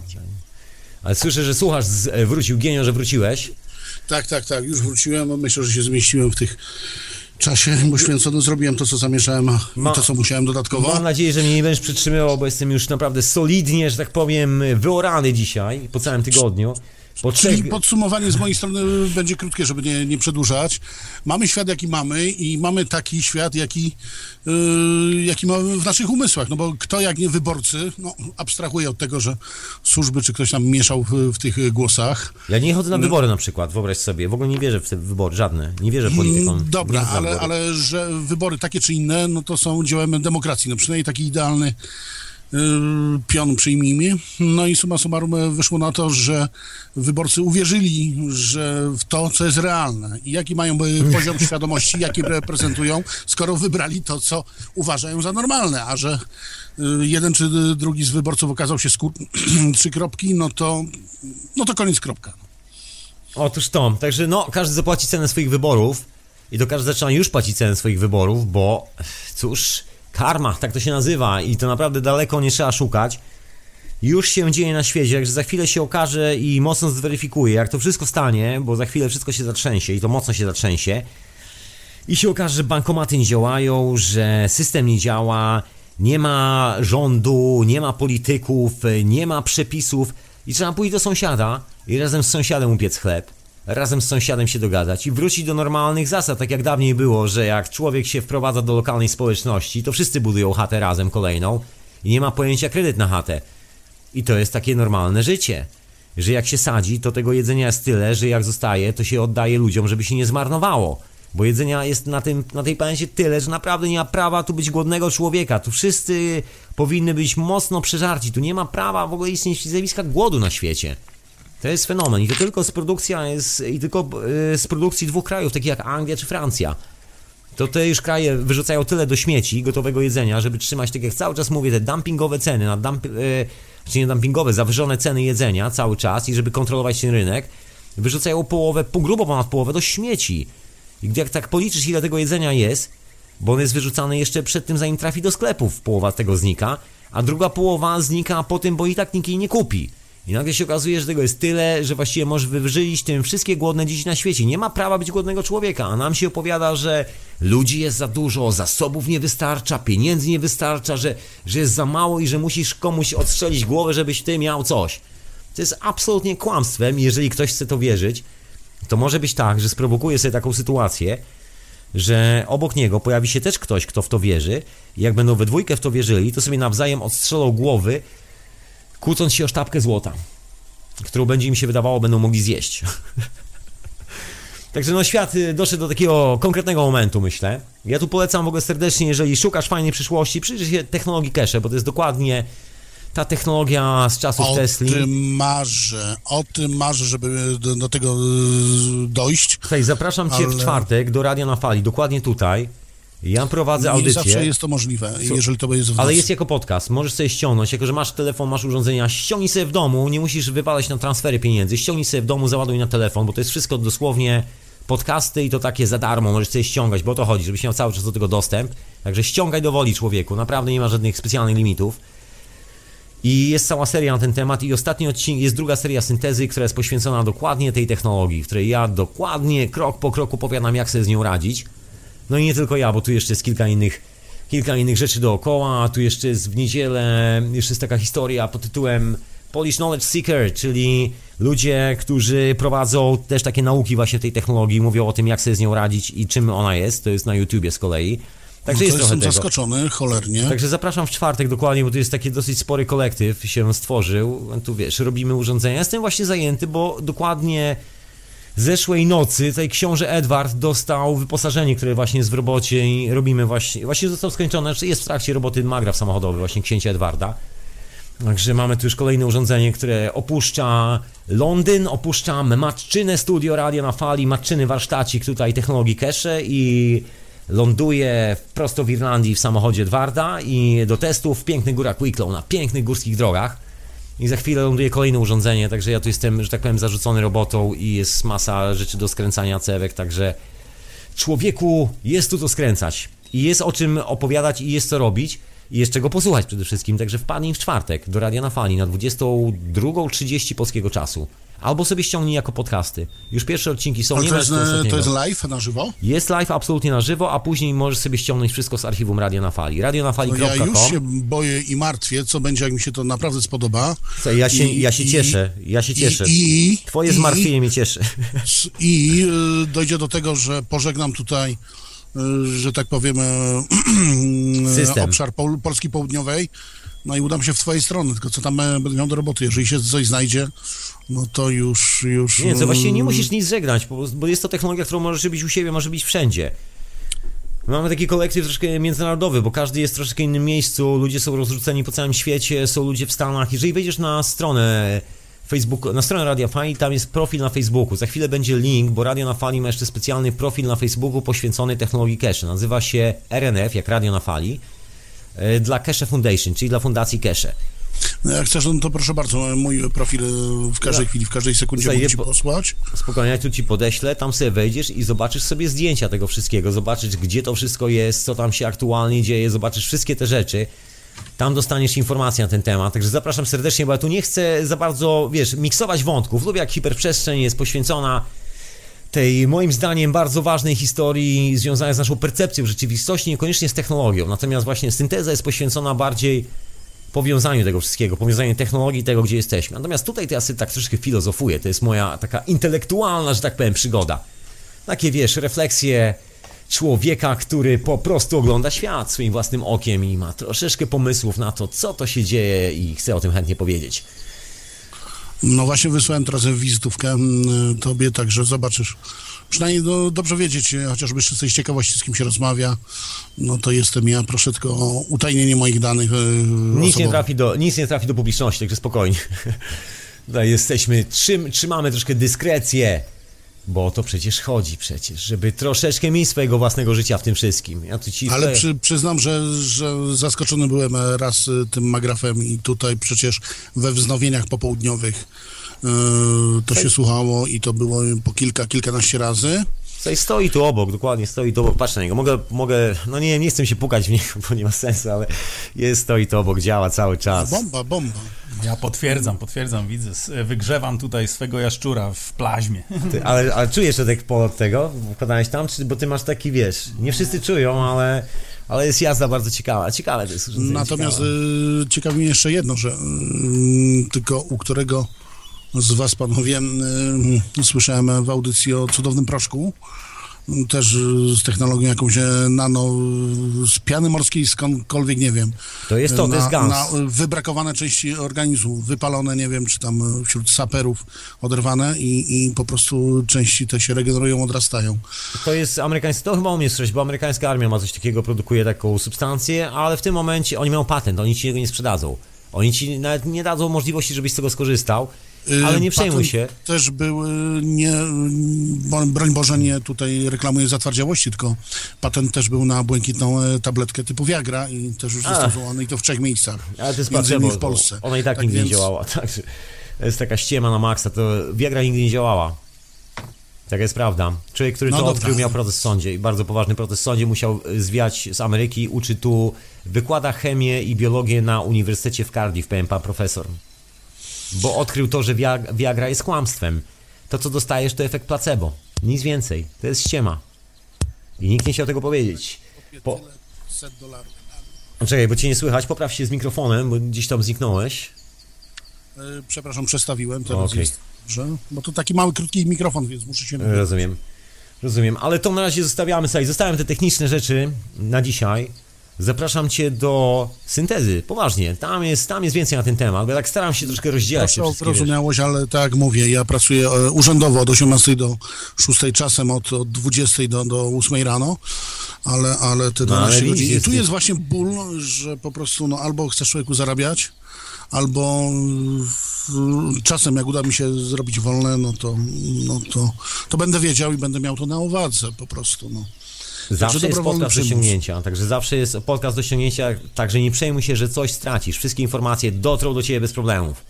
Absolutnie. A swoją drogą to w przyszłości, jeżeli ktoś taki jak ja y, zastuka do was, to y, odsuńcie do, złe domysły, że to jakiś śmieszek albo jakiś taki Nie, no przyjdzie, zrobi kuku i ucieknie. Wiesz co, nie mam takich ja- podejrzeń, ja na nie, mam takich, nie mam takich podejrzeń, nie, jakby nie przyciągam takich charakterów, taka jest prawda. To nie tutaj, to nie w hiperprzestrzeni, nie w syntezie, nie w tych miejscach. Ja raczej unikam takich charakterów i no nie lubimy się specjalnie, nie lubimy, nie znajdujemy wspólnego języka, także nie bój się człowieku, nie bój się, tu nie ma jakichś dziwnych rzeczy, wszystko jest okej, wszystko działa. Są normalni ludzie, zdrowi, sympatyczni, miło, miło, przyjemni. miło, fajno. Także zapraszam serdecznie do odsłuchania sobie tam tych wszystkich rzeczy w archiwum, odwiedzenia profilu na Facebooku. No i dzięki Czeku, że zadzwoniłeś. Strasznie miło serdecznie Cię usłyszeć w ogóle. Co jeszcze e, mogę powiedzieć ciekawego od, od siebie, to, że że, że ale to już jest całkiem nie na temat. E, Uzbroiłem komputer swój nie tylko Windows, ale Linux, a to, że e, babram się takimi rzeczami jak e, przekaz, pliki multimedialne, czyli wszelkie różne mm, programy YouTube, DVD i tak dalej, ja to wszystko konwertuję i wysyłam wszystkim, kto nawet chce przyjąć, no, dzięki WebTransfer, bo to jest chyba najlepszy y, taki, taki wolny y, y, program pocztowy, który potrafi nawet pół płyty DVD wysłać w formie obrazu. No i w związku z tym mam kilka takich fajnych tematów zobrazowanych, przekonwertowanych. Chętnie to po prostu wyślę. Czekaj, ja już nawet zobaczę, co mam do zaoferowania, ale... Tak. Ale proszę Cię nie wysyłać za dużo, bo ja mam troszkę taką historię, że tu Edek widział, ja maili dostaję Nikomu nic nie wysyłam na siłę. Jedynie, jeżeli ktoś chce, proszę bardzo, ale to już możemy sobie przeklepać klawiszami i tyle. Jedno, co to z ostatnich wziąłem, to to, że Nikola Tesla w dwóch częściach, jakby dwóch różnych redaktorach, redaktorów o nim mówi. Potem się jedno z nich pokazało na, na, na YouTubie, a pierwsze w telewizji. Obydwa to mamy i to skompresowane, bardzo ładnie zrobione na DVD, słuchaj, więc mogę to wysłać. Ktoś chce, ktoś nie chce. Nikogo na siłę uszczęcał. Ja będę taki troszkę cyniczny, ja będę taki trochę cyniczny, bo książę Edward i Edek mnie tutaj uprzedził, wygadał, że trochę siedzę w temacie. No ale prawdę mówiąc, chyba znam wszystkie filmy i wszystkie możliwe publikacje oficjalne na temat Nikoli Tesli. Zapewne, przecież słucham cię nie pierwszy miesiąc, także e, wiem, co lubisz i, i ten temat to I jest... Polecam, polecam ci, bo troszeczkę jakby dogrzebałem się w tym temacie, właśnie syntezę na ten temat. Tam są chyba 3 czy 4 odcinki poświęcone właśnie Tesli, bo to jest kilka ciekawych rzeczy. Też tak nie powiedziałem wszystkiego, bo jeszcze jest kilka, kilka innych spraw dookoła, ale to myślę przyjdzie na to czas. A tymczasem zostawiamy te techniczne historie, Nikolę Tesla i tak dalej. Wszystkie te sprawy wrócą w czwartek w syntezie. A tutaj, tutaj zostawiamy nasze refleksje intelektualne, które pchają technologię do przodu. Czyli to, kim jesteśmy, o naszą naturę człowieka. Także dzięki wielkie za telefon. Ja w ogóle tak się kończę na dzisiaj. Już czas najwyższy zamknąć ten przybytek i trochę odpocząć po tym całym tygodniu. Ja dziękuję pięknie za wpuszczenie mnie na, antenie, na antenę i, i, i udostępnienie możliwości powiedzenia, no, wtrącenia własnych trzech groszy. Bardzo im było miło z tego powodu i przyjemnie. Przyjemność po mojej stronie, proszę pana, także... Wzajemność. Dokładnie. No, dziękuję także i koledze. Dzięki wielkie i do usłyszenia następnym razem. Także zapraszam na czwartek, jak będziesz miał chwilę i akurat będziesz przy, ra- przy Z wielką ochotą, jeżeli będzie mi dane y, tego wysłuchać, obojętnie gdzie będąc, z jakiegokolwiek urządzenia, y, na pewno nie odpuszczę, to gwarantuję. Okej, okay, idealnie zatem, zatem się słyszymy w czwartek, jakby co. Także dzięki wielkie za telefon, trzymaj się, na razie. Pozdra- pozdrawiam również, na razie. hej. Hej. To był genio, który przyciągnął troszkę hiperprzestrzeń, bardzo dobrze, troszkę rozluźniło się na koniec po tych moich krzykach do mikrofonu i bardzo dobrze, bardzo dobrze. Ja Ciebie też, Czyku, właśnie zapraszam na czwartek. No cóż, tak jak słyszysz, nie da się żyć w dzisiejszych czasach i udawać, że tak powiem, e, że spraw nie ma, że sprawy nie ma, że sprawy Keszego nie ma i nawet tu w hiperprzestrzeni, że to nie istnieje. Bo musiałbym się zamienić w takiego szczurka albo takiego gryzonia, który właściwie całe swoje życie spędza na głaskaniu swojego własnego futerka, żeby móc tego nie zauważyć, bo to jest najważniejsza rzecz dzisiejszych czasów i byłbym chyba idiotą. Ciężko było spojrzeć w lusterko i traktować się serio, gdybym omijał ten temat. Także ty też człowieku nie omijaj tego tematu, bo to jest droga w właściwym kierunku. Bierz się za to, niezależnie z której strony i sprawdzaj o co w tym wszystkim chodzi, jest masa informacji na ten temat. Jeżeli jest ci za mało, jeżeli czegoś nie wiesz, ląduj tutaj w czwartek o godzinie 22 polskiego czasu. Jestem od tego, żeby ci przekazać trochę informacji na ten temat, tyle ile się da ile moja głowa pomieści i moje usta zdążą przekrzyczeć do tego mikrofonu i tyle. A tymczasem zapraszam Cię na profil facebookowy Radio na Fali, jak chcesz tam wpaść, na profil na Twitterze, na czata czasami wpadnij, ja tam właśnie też jestem. Pozdrawiam wszystkich obecnych na czacie Radio na Fali. Zapraszam oczywiście do archiwum Radia na Fali, do przepasnego archiwum, do dokładek, syntez, substancji, wszystkich tych rzeczy. No i do teorii chaosu też zapraszam. Aczkolwiek nie wiem, kiedy ona się odbywa, bo to jest już. Ja już po prostu straciłem rachubę. No jeszcze nawet chyba straciłem serce, żeby się zastanawiać, kiedy ona jest, a kiedy nie. Też e, nie jestem aż takim spiskowym człowiekiem, żebym tak w spiskach siedział i non-stop po tych spiskach słuchał. Ale jeśli lubisz człowieku, to wpadnij tutaj kiedy Michał ma audycję. Sam nie wiem, kiedy Michał ma audycję. Teoretycznie w piątek o 24, ale wiesz co, prawda jest taka, że ja i tak nie wiem, bo nigdy się nie dowiaduję, nie dostaję żadnych informacji na ten temat. Z reguły jestem zaskoczony, tak samo jak ty nagle, że ups, coś się stało, ale właśnie nic nie wiem. Anyway, życie jest pełne zagadek, pełne przypadków losowych i bardzo dobrze. Nie mam z tym problemu, mam nadzieję, że ty też nie masz z tym problemu, a zatem do usłyszenia człowieku następnym razem w bezproblemowej audycji Hiperprzestrzeń, gdzie poruszę troszkę wątków z historii, bo tak ciągle się kręci za mną pewien temat, taki dosyć poważny temat, związany właśnie z Watykanem i tak dalej, taki dosyć konkretny. Ja to na razie sobie tak odpuszczam, się relaksuję, bo mam tu trochę roboty właśnie przy tych drutach, ale tak czy siak, co się odwlecze, to nie utonie. No właśnie. Także ja tu jeszcze wrócę, człowieku. Ja tu jeszcze wrócę! Także dzięki słuchaczko i słuchaczu za słuchanie. Pozdrawiam Cię, mecenasie Radia na Fali. Peace and love, człowieku. Dzięki za wspieranie. Przypominam jeszcze raz, że, że chcę Cię przeprosić, że jeszcze nie, nie podziękowałem Ci, jeżeli wspierasz radio przez polskie konto oficjalnie na stronie Radia na Fali w podziękowaniach dla mecenasów, bo po prostu nie mam danych z tego konta jeszcze. One zawsze się potwornie spóźniają. Ale to już jakby końcówka tego poślizgu czasowego, bo właśnie za chwilę będzie przepięte konto bankowe, także wszystkie te informacje będą już docierały tutaj bezpośrednio do mnie i będę mógł Ci podziękować normalnie z imienia, tak jak to zwy, zwyczajem swoim lubię robić raz w miesiącu, pod koniec miesiąca, kiedy po prostu dziękuję każdemu, kto wspiera ten niezależny projekt, projekt, który właściwie jest projektem charity, jest niekomercyjnym projektem i chodzi o to, żeby było po prostu miło. I to wszystko.